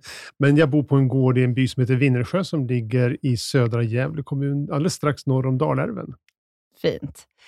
Och eh, hur länge har du arbetat som barnläkare? Jag började som underläkare på kliniken 1990 och jag har varit kvar på samma klinik ända sedan dess. Var verksamhetschef under ett antal år, tidigt 00-tal innan jag gick över till politiken. Och är fortfarande nu timmis de, hoppar in och tar jourer, nattjourer, oftast helgjourer. Mm. Det är ju fantastiskt. Vi skämtade lite om det här innan, att till och med riksdagsledamöter måste komma in och jobba helg på barnkliniken för att man ska få jourschemat att gå ihop. Helena, gillar du Anders lite extra mycket för att han är läkare? Nej, men jag, gillar, jag älskar läkare. jag, jag bara känner, man, jag bara känner så här, direkt connection med andra läkare. Så, ser det på er, det glittrar i ögonen på er när jag tittar på honom. Men jag gör det för att det är roligt. Det är Ja, men det är fantastiskt det. roligt. Och där, Mm. dessutom stärker det mig i rollen som riksdagsledamot och sjukvårdspolitisk talesperson också. Mm. Att veta vad det faktiskt handlar om. Mm. Hur var det på akutmottagningen i Gävle i helgen? Så Mm. det är en ganska bra bild. mm. Okej, och nu ska jag. vi se vad du kan och tycker om kvinnovård. Okej, men vi börjar, vi börjar eh, lite övergripande med organisationen. För eh, Sveriges sjukvård är uppdelad i 21 regioner. Och vi har ju sett eh, under till exempel pandemin att det kan vara lite svårt att samordna de här regionerna och vårdutbudet och vårdtiderna. Köerna ser lite olika ut i olika regioner. Hur tycker Centerpartiet att man ska organisera vården? Är det 21 regioner som är det bästa? Nej, men det kan vara 21 regioner, det kan vara något färre regioner också. Vi hade ju en process under förra mandatperioden då vi skulle försöka gå ner till en 5-6 regioner, vilket jag tror kunde ha varit en fördel. Men det måste vara en bred majoritet för att göra en sån jättestor organisatorisk förändring. Så det vi är inne i nu, det är egentligen en ganska långsiktig process. Patienterna får mer och mer att säga till om och dessutom får vi mer och mer av nationell styrning. Och det är inte detsamma som att ha en förstatligad sjukvård. Det är inte ett vettigt förslag tycker vi. Nej, okej, så ni tycker inte att vården ska förstatligas? Absolut inte. För jag menar, vill man skapa kaos i svensk sjukvård under en tioårsperiod, då ska man genomföra ett förstatligande. Mm. Allting styrs av en generaldirektör från Stockholm. Det här är Mm. ju en otroligt komplex verksamhet som kräver ju samverkan med, med kommuner och så vidare. Och tro att det ska kunna toppstyras som en armé från Stockholm, det är befängt skulle jag säga. Men vad tycker ni ska göras då? Nej, men vi tror att det behövs väldigt mycket mer av nationell styrning, för det finns ett antal områden där det inte kan vara så att det ska vara skillnader. Men ett nationellt eller ett statligt huvudmannaskap Mm. som man till exempel har i England och i Norge, det är någonting helt annat. Vi har ju provat att göra stora förstatligande i Sverige. Försäkringskassan eller, och Arbetsförmedlingen, framförallt polisen. Mm. Och det är gigantiska omorganisationer. Och ifrån sjukvårdens sida, vi har ju sett de här när man slog ihop Huddinge sjukhus med Karolinska Mm. sjukhuset. Det, det skapar ju sådana konversioner. Mm. Och jag tror vi ska fokusera på sånt som är verkliga problem i sjukvården. För vi har ett antal saker som vi måste ta itu med. Och vilken del av styrningen tycker du ska ske på statlig nivå? Nej, men det finns väldigt mycket som borde ske på statlig nivå. Ta en sån sak som eh, nya läkemedel, nya behandlingsmetoder. I ett läge där vi säger i Sverige att eh, för sjukdomen X ska vi från och med nu behandla med läkemedlet Y, då ska det inte vara fritt valt arbete och då är det ju inte för regionpolitiker utan snarast för läkare att välja huruvida man ska tillämpa de nya behandlingsriktlinjerna eller inte. Det ska vara en tydlig statlig styrning. Det är bara ett exempel. Mm. Okej, nästa fråga. Vad säger Centerpartiet om forskningen kring kvinnohälsa? Nej, men det är ett eftersatt område och det har man ju sett väldigt tydligt när man tittar på hur sker fördelningen mellan forskningsmedel till sånt som är sjukdomar som bara drabbar kvinnor och sjukdomar som bara drabbar män. Och vi har ju föreslagit att det bör vara ett riktat långsiktigt tioårigt forskningsprogram som är direkt går till de sjukdomar, forskning på de sjukdomar som bara drabbar kvinnor, för mm. det är ett eftersatt område. Mm. Eh, endometrios är ju ett sådant exempel, men det finns ju många andra exempel också. Är det någon som motsätter sig det här? Nej, det är ju så att eh, forskningsanslagen, de styrs ju väldigt mycket av regeringen. Eh, så vi har inte fått gehör för det här förslaget, så Nej. mycket kan man väl säga. Mm. Mm. Men är de märkta pengar till, kvinnor, till forskning kring kvinnosjukdomar? Ett tydligt, mm. via Medicinska forskningsrådet, då, mm. ett tydligt eh, anslag som bara går till forskning på kvinnosjukdomar och inte något kortsiktigt utan ett långsiktigt projekt. Mm. Orsaken till att vi säger det, då, det är ju beroende på att vi ser att det är en väldigt ojämn fördelning. Mm. Det handlar ju både i forskningsanslagen, det handlar också om huruvida det går till kvinnor eller män som forskare. Det har ju Agnes Wold pekat på mm. sedan många, många år tillbaka. Och inte minst de här skillnaderna i hur man behandlar män och kvinnor med samma sjukdomar. Det är ju ganska stora skillnader. Mm. Och, och det här är ju någonting som är helt oacceptabelt och någonting som också går att åtgärda med politiska medel. Så om ni hamnar i regering i höst, vad kommer hända då? Nej, men om vi handlar i regering i höst, då kommer det här vara en jätteviktig fråga för oss. Se till att det blir riktade forskningsanslag för forskning kring de sjukdomar som bara drabbar kvinnor. Och vi vill också ha ett långsiktigt program där och det har vi sagt tio år. Mm. Eh, abortfrågan, ständigt aktuell. Mm. Nu nästan mer aktuell än vad den har varit på länge i och med att det blåser sådana vindar som det gör i USA. Men var står Centerpartiet i abortfrågan? Nej, men, eh, vi står ju för att eh, lagstiftningen ska vara som den har varit under väldigt många år, det vill säga fri abort i princip upp till 18 veckan. Det som har skett eh, och som har varit en väldigt spännande utveckling i riksdagen nu bara sista månaderna, det är ju att vi har fått en majoritet, ja faktiskt alla partier har tagit ställning för att man ska inte behöva inleda aborten på en klinik, utan man ska kunna inleda den i, i hemmet. Mm. Och det där var, det var otroligt spännande, därför att vi hade en debatt och det var inte en majoritet för det här. Men i debatten så argumenten vi framförde, vi som ville göra en förändring, de var så pass bra. Eh, så när voteringen var fyra dagar senare, då var det ett antal partier som hade bytt fot och faktiskt röstade för det. Både Kristdemokraterna, Sverigedemokraterna, Socialdemokraterna, Miljöpartiet och Vänsterpartiet. Från början var vi bara tre partier som ville göra den här lagändringen. Men jag har aldrig varit med om det tidigare. Mm. Just det här att det argumenten, när vi stod och argumenterade i kammarens talarstol, det är mera bara för att redovisa ståndpunkter. Och plötsligt går det upp en talgdank för de här partierna, hur de verkligen, eller några av dem i alla fall, hade hoppat i galen tunna. Eh, och sen började det ena byta före och det andra efter.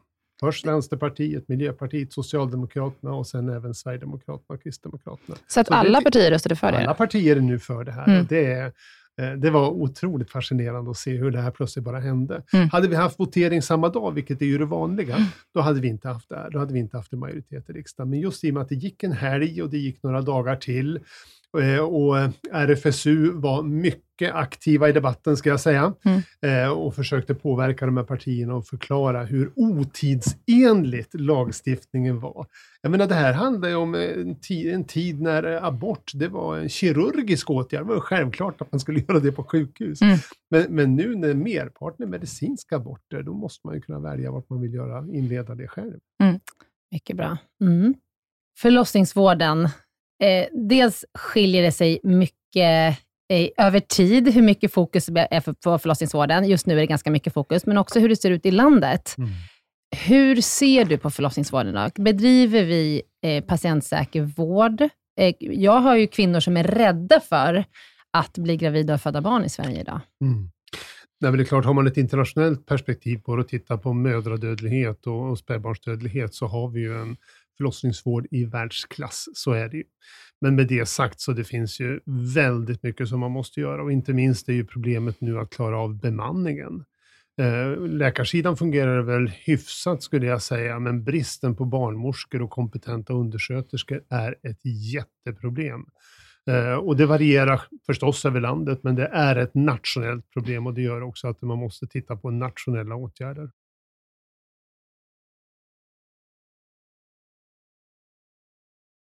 Är barnmorskorna ett, eh, är de en utsatt grupp, eller förlossningen, eller är det bara att vi är högljudda inom förlossningsvården? Är det lika illa på eh, liksom, akutmottagningarna till exempel, eller vad är din bedömning där? Jag satt igår i en lång diskussion med ett antal intensivvårdsläkare och det de beskriver ifrån intensivvården, det är ju precis samma sak.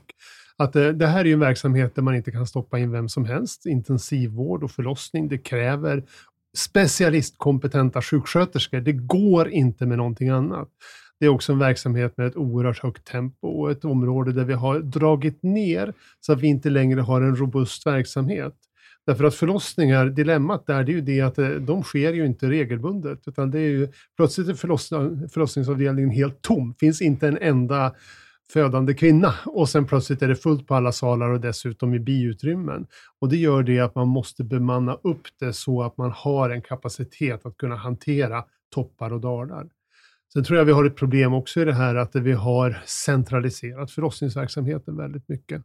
Eh, att vi har all förlossningsverksamhet i Sverige, den bedrivs på en väldigt hög nivå.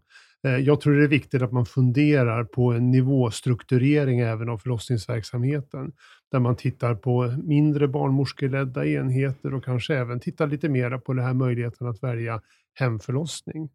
Eh, Men... Det finns ju också spännande koncept som, man, eh, som barnmorskor och även föräldrar tycker är väldigt bra. Det är ju det här Min barnmorska som man testar på olika ställen. Eh, och Det tycker jag är en oerhört intressant tanke.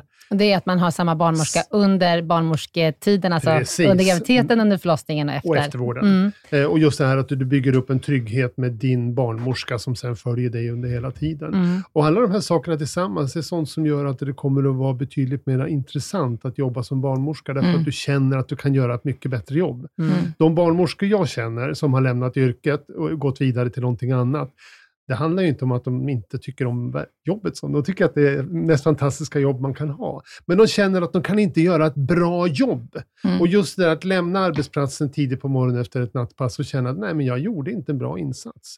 Eh, förutsättningarna fanns inte för att jag skulle kunna göra det jag vet att jag skulle kunna göra. Det tror jag är det som jagar bort barnmorskor idag. Men nu har man ju lagt ner ganska mycket liksom, mindre förlossningar, för man mm. tycker inte att man kan bedriva tillräckligt säker vård, har väl varit argumentet. Men tycker du att man kanske ska öppna upp då på flera ställen och att det är barnmorskeledda enheter? Jag tror att vi har gått alldeles för långt i att centralisera förlossningsverksamheten. Tittar man på andra länder så har man ju en helt annan nivåstrukturering. Och jag tror man skulle kunna gå betydligt mera gentemot att titta vilka är de verkliga riskförlossningarna och vilka är förlossningar som är betydligt säkrare och där ha en nivåstrukturering. Och inte minst kunna ha det i anslutning till de större klinikerna. Eh, det är kanske där det vore allra enklast. Eh, avstånden ger ju sin begränsning, men det är ju inte tillfredsställande som det ser ut i övre Norrlands inland, där du har som 30-40 mil till en förlossningsenhet. kan det vara betydligt säkrare att ha en enhet som ligger på närmare håll. Jag läste senast här i veckan att en höggravid kvinna har blivit ihjälslagen av sin man som hon ville lämna. Och Det är ju någonting som vi läser ganska ofta i Sverige nu. Jag tror att det var uppåt 16 sådana typer av mord de senaste, bara det här året. Mm. Vad vill Centerpartiet göra kring mäns våld mot kvinnor? Ja, det här är så fullkomligt vidrigt varenda gång man hör en sån här mm. historia. Eh, och I vanliga fall ligger det ju på, jag tror man brukar säga runt 15 per år, men i år har det redan varit 12 stycken. Och Det här är ju helt och hållet oacceptabelt. Och Det här är ju ändå, ska man komma ihåg, bara toppen på ett isberg, därför att det är ju många, många fler som anmäler. Och man säger ju till och med från Brå att det är ju bara eh, en av fem kvinnor som blir utsatta för våld som faktiskt anmäler. Så att det här är ju ett gigantiskt samhällsproblem. Det här är ju de som dör. Alltså det, det ja, är ju verkligen precis. the top of the iceberg. Det, ja, och jag menar, det, det, är ju där vi har, verkligen kan följa utvecklingen. Mm. Och Det här är någonting som måste åtgärdas. Mm. Och Där finns det några, några saker som man borde göra. Och Det ena är ju det här med fotboja och besöksförbud. Det mm. borde inte vara så att man ska bevisa, utan det borde vara att har en kvinna varit utsatt för våld, mannen har blivit dömd, då ska det per automatik innebära fotboja och besöksförbud. Mm. Eh, därför att flera av de här fallen, det har, ju varit, det har ju till och med varit män som har varit dömda men inte har börjat avtjäna sina straff. Mm. Och använder tiden fram till fängelset till att förfölja kvinnan. Det är ju helt oacceptabelt. Jag menar, där finns ju möjligheterna. Det, det, det, andra det är ju förstås att se till att man generellt höjer straffen, därför att det här är en helt oacceptabel företeelse. Mm. Eh, en tredje sak det är ju att ta bort preskriptionstiderna. Därför att inte minst när barn blir utsatta, så det här är ju ingenting man som barn berättar om.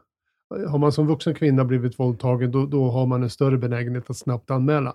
Men, men däremot som barn, du kanske inte berättar förrän du är 18-20 år och då ska inte preskriptionstiden kunna rädda en förövare. Nej. Sen handlar det också om kompetensen i sjukvården. Eh, att vi blir duktigare där på att ta tillvara bevismaterial. Mm. Att eh, polisen ser till att de har kompetens när de utreder. För det är ett antal förövare som inte blir dömda beroende på att vi klantade till det i mm. sjukvården mm. eller när polisen gjorde sin utredning. Mm. Så att, eh, här finns det all möjlighet att som, höja ambitionsnivån om man säger så. Men de exempel som du har tagit upp nu, till exempel fotboja, för mm. att hindra att mannen ska förfölja kvinnan om hon gjort, ett gjort en anmälan. Är det någon som motsätter sig det? Eller hur, hur kan man inte få igenom det? Är det något parti som motsätter sig till exempel att ta till hårdare tag eh, kring den här frågan? Eh, nej, men jag kan ju konstatera att det har inte ännu blivit ett riksdagsbeslut och en lagändring i den riktningen. Eh. Ja, alltså, alltså, Nej, men jag hör, jag hör vad du säger, men jag, jag, tycker att det är så ofattbart hur man, hur kan man, det här det liksom... Men man värnar fortfarande om eh, gärningsmannen i Ja, det är, ju den, det är ju den avvägningen och integritet mm. och så vidare. Mm. Eh, och det är ju så att det, även om det kan finnas en majoritet i riksdagen för att göra vissa saker, så förutsätter ju det att regeringen lägger förslag. Det är ju bara regeringen som kan lägga lagförslag. Mm. Eh, och exakt hur de andra partierna ställer sig, det kan jag faktiskt inte svara på. Ska vi fråga dem? Det ska vi. Mm. mm. Ehm. Ta reda på vem det är som motsätter sig det här. Ska vi prata med den personen? ja, det ska vi göra. Skulle jag gissa så är det så här att det, eh, det, det, finns ett eh, inneboende motstånd i regeringskansliet beroende på att det finns hela tiden en spänning i, i sjukvårdsfrågor, en del rättsliga frågor, mellan personlig integritet och andra sidan en effektiv sjukvård och en effektiv brottsbekämpning. Mm. Eh, så att jag tror att svaret ligger i den spänningen, att det är lätt som riksdagsledamot och oppositionsparti att ha en åsikt. Mm. Men sen när det ska processas mm. fram till ett lagförslag som överensstämmer med våra grundlagar och så vidare, mm. så det är ofta där det stupar. Men det skiljer sig åt lite i regioner och kommuner, eh, tror jag ändå. Skyddet för kvinnor det, det skiljer sig åt eh, i allra högsta grad. Ja. Dels är det kommunerna som har ansvar för de skyddade boendena. Det skiljer sig väldigt mycket hur utbyggt det är. Det skiljer mycket i hur, poli trots att polisen är en statlig institution, det skiljer sig mycket där i kompetensen mellan olika delar. Det skiljer sig också hur duktiga vi är i sjukvården att ta hand om de här kvinnorna när man kommer. Eh, allt ifrån en del Stockholmssjukhus som har väldigt goda rutiner för hur man hanterar det här, till en del mindre sjukhus som inte har det.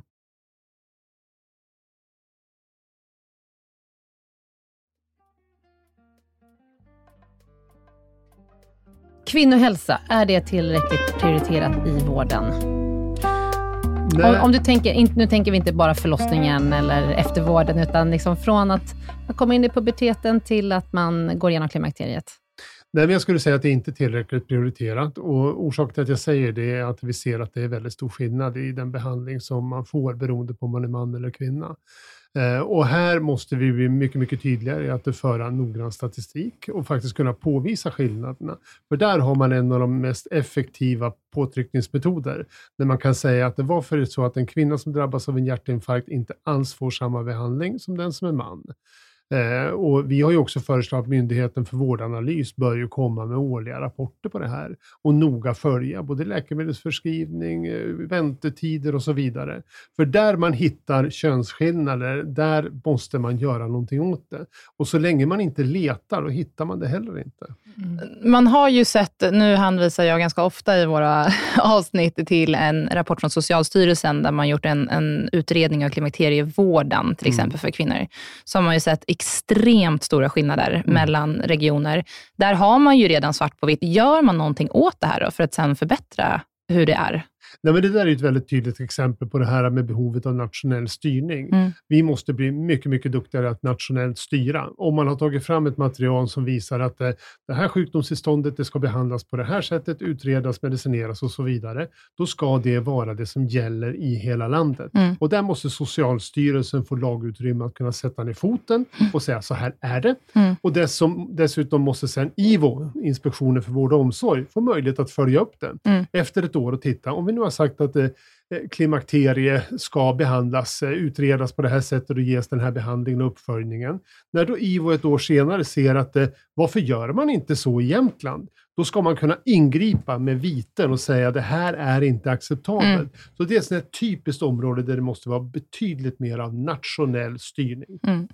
Och här ska jag också säga att det, det är inte så att det, skillnaden alltid beror på regionpolitikerna eller ens de regionala tjänstemännen, utan det är inte sällan eh, eh, mina kollegor som är motståndet i det här. Att man tar inte till sig nya behandlingsmetoder tillräckligt snabbt. Mm.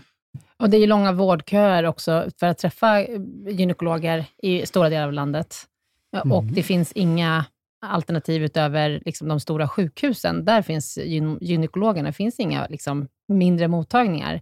Nej. Det är väl också en politisk fråga, att tillåta eh, ett, liksom, mottagningar utanför sjukhusen. Absolut. Som kan hjälpa till med vårdköerna. Mm. Mm. Tycker Centerpartiet att Sverige kan påverka jämställdheten i världen och om ja, hur? Eh, Sverige påverkar jämställdhetsfrågorna i allra högsta grad. Eh, och det hänger ju samman med att det här är ju ett prioriterat mål för hela det svenska samhället. Och Det gör ju att i alla internationella sammanhang där Sverige finns med, där lyfter de svenska företrädarna alltid jämställdhet jag märker ju det utifrån när jag är ute och reser som riksdagsledamot och företrädare för socialutskottet, att när vi träffar socialutskottet i Chile, det är klart en av de frågor vi lyfter då, det är jämställdheten i vården. Så att det här är någonting där vi i allra högsta grad kan påverka beroende på att Sverige är ett land som på de flesta områden inom jämställdheten ligger ganska långt fram. Ja, och kan Sverige på, med sina medel då, bi, bistånd påverka? Mm. Eller? Och där är det också så att Sverige styr ju en hel del av sitt bistånd gentemot reproduktiv hälsa. Där har vi också en möjlighet att påverka. Så internationellt så är vi en, och kan vara en ännu starkare aktör också på det här området. Mm. Hur, hur ser du på det som händer med abortfrågan i USA just nu till exempel? För det har ju vi, efter att vi har poddat med Kristina Gemsell, förstått att det har ju, alltså att det, att det går bakåt, så att säga, har ju påverkan på väldigt många andra länder som eh, ser på USA som, som liksom mm. en förebild. Hur, hur ser du på det? Ja, det är ju en otroligt upprörande och tragisk situation egentligen som vi ser i mm. USA. Eh, I riksdagen nu så har jag nyligen fått avtacka Barbro Westerholm när hon höll sitt sista anförande. Och Barbro har ju varit en av pionjärerna på det här området och hon kan ju beskriva 50-talet där hon som ung läkare tjänstgjorde och till och med fick ta hand om kvinnor som hade dött eh, efter illegala aborter. Mm. Eh, så att det här är ju en av de absolut viktigaste hälsofrågorna för kvinnor. Och det är ju en fruktansvärd utveckling som sker i USA nu och det går väldigt fort. Mm. Mm. Där är ju möjligheterna för Sverige att påverka, skulle jag säga, mm. något begränsade. Men jag ser tack och lov ingenting i den svenska politiken som avspeglar det här. Eh, tvärtom så det här beslutet nu till exempel i riksdagen, en enig riksdag säger att det ska vara möjligt att påbörja medicinsk abort mm. i hemmet. Mm. Det går ju åt rakt motsatta hållet. Och de partier som traditionellt har varit abortmotståndaraktiga, Kristdemokraterna och Sverigedemokraterna, även de var ju med på det beslutet. Det känns ju skönt att du säger det, för att man kunde ju kanske inte tänka sig att det skulle gå så snabbt åt en fel riktning i till exempel USA. Nej. Och Det gör ju att man blir lite rädd, skulle jag säga, hur liksom världsutvecklingen för kvinnor kommer att se ut framåt. Mm. Men då känns det ju bra att Sverige står starkt. Och inte minst påverkar ju USA det här. Nu, nu under en demokratisk president så på, använder man inte det medlet, men däremot den tidigare presidenten, mm. den republikanska presidenten, brukar göra så att man stryper biståndet till reproduktiv hälsa. Mm. Eh, och det påverkar ju de fattigare länderna på ett betydande sätt. Ja, har vi fått svar på våra frågor? Jag tycker det. Ja, bra svarat. Otroligt mm. bra. Tack ja, så tack jättemycket. Tack så hemskt mycket för att du ställde upp och, och var med i vår podd. Tack för att jag fick vara med. Tack Anders. Hej.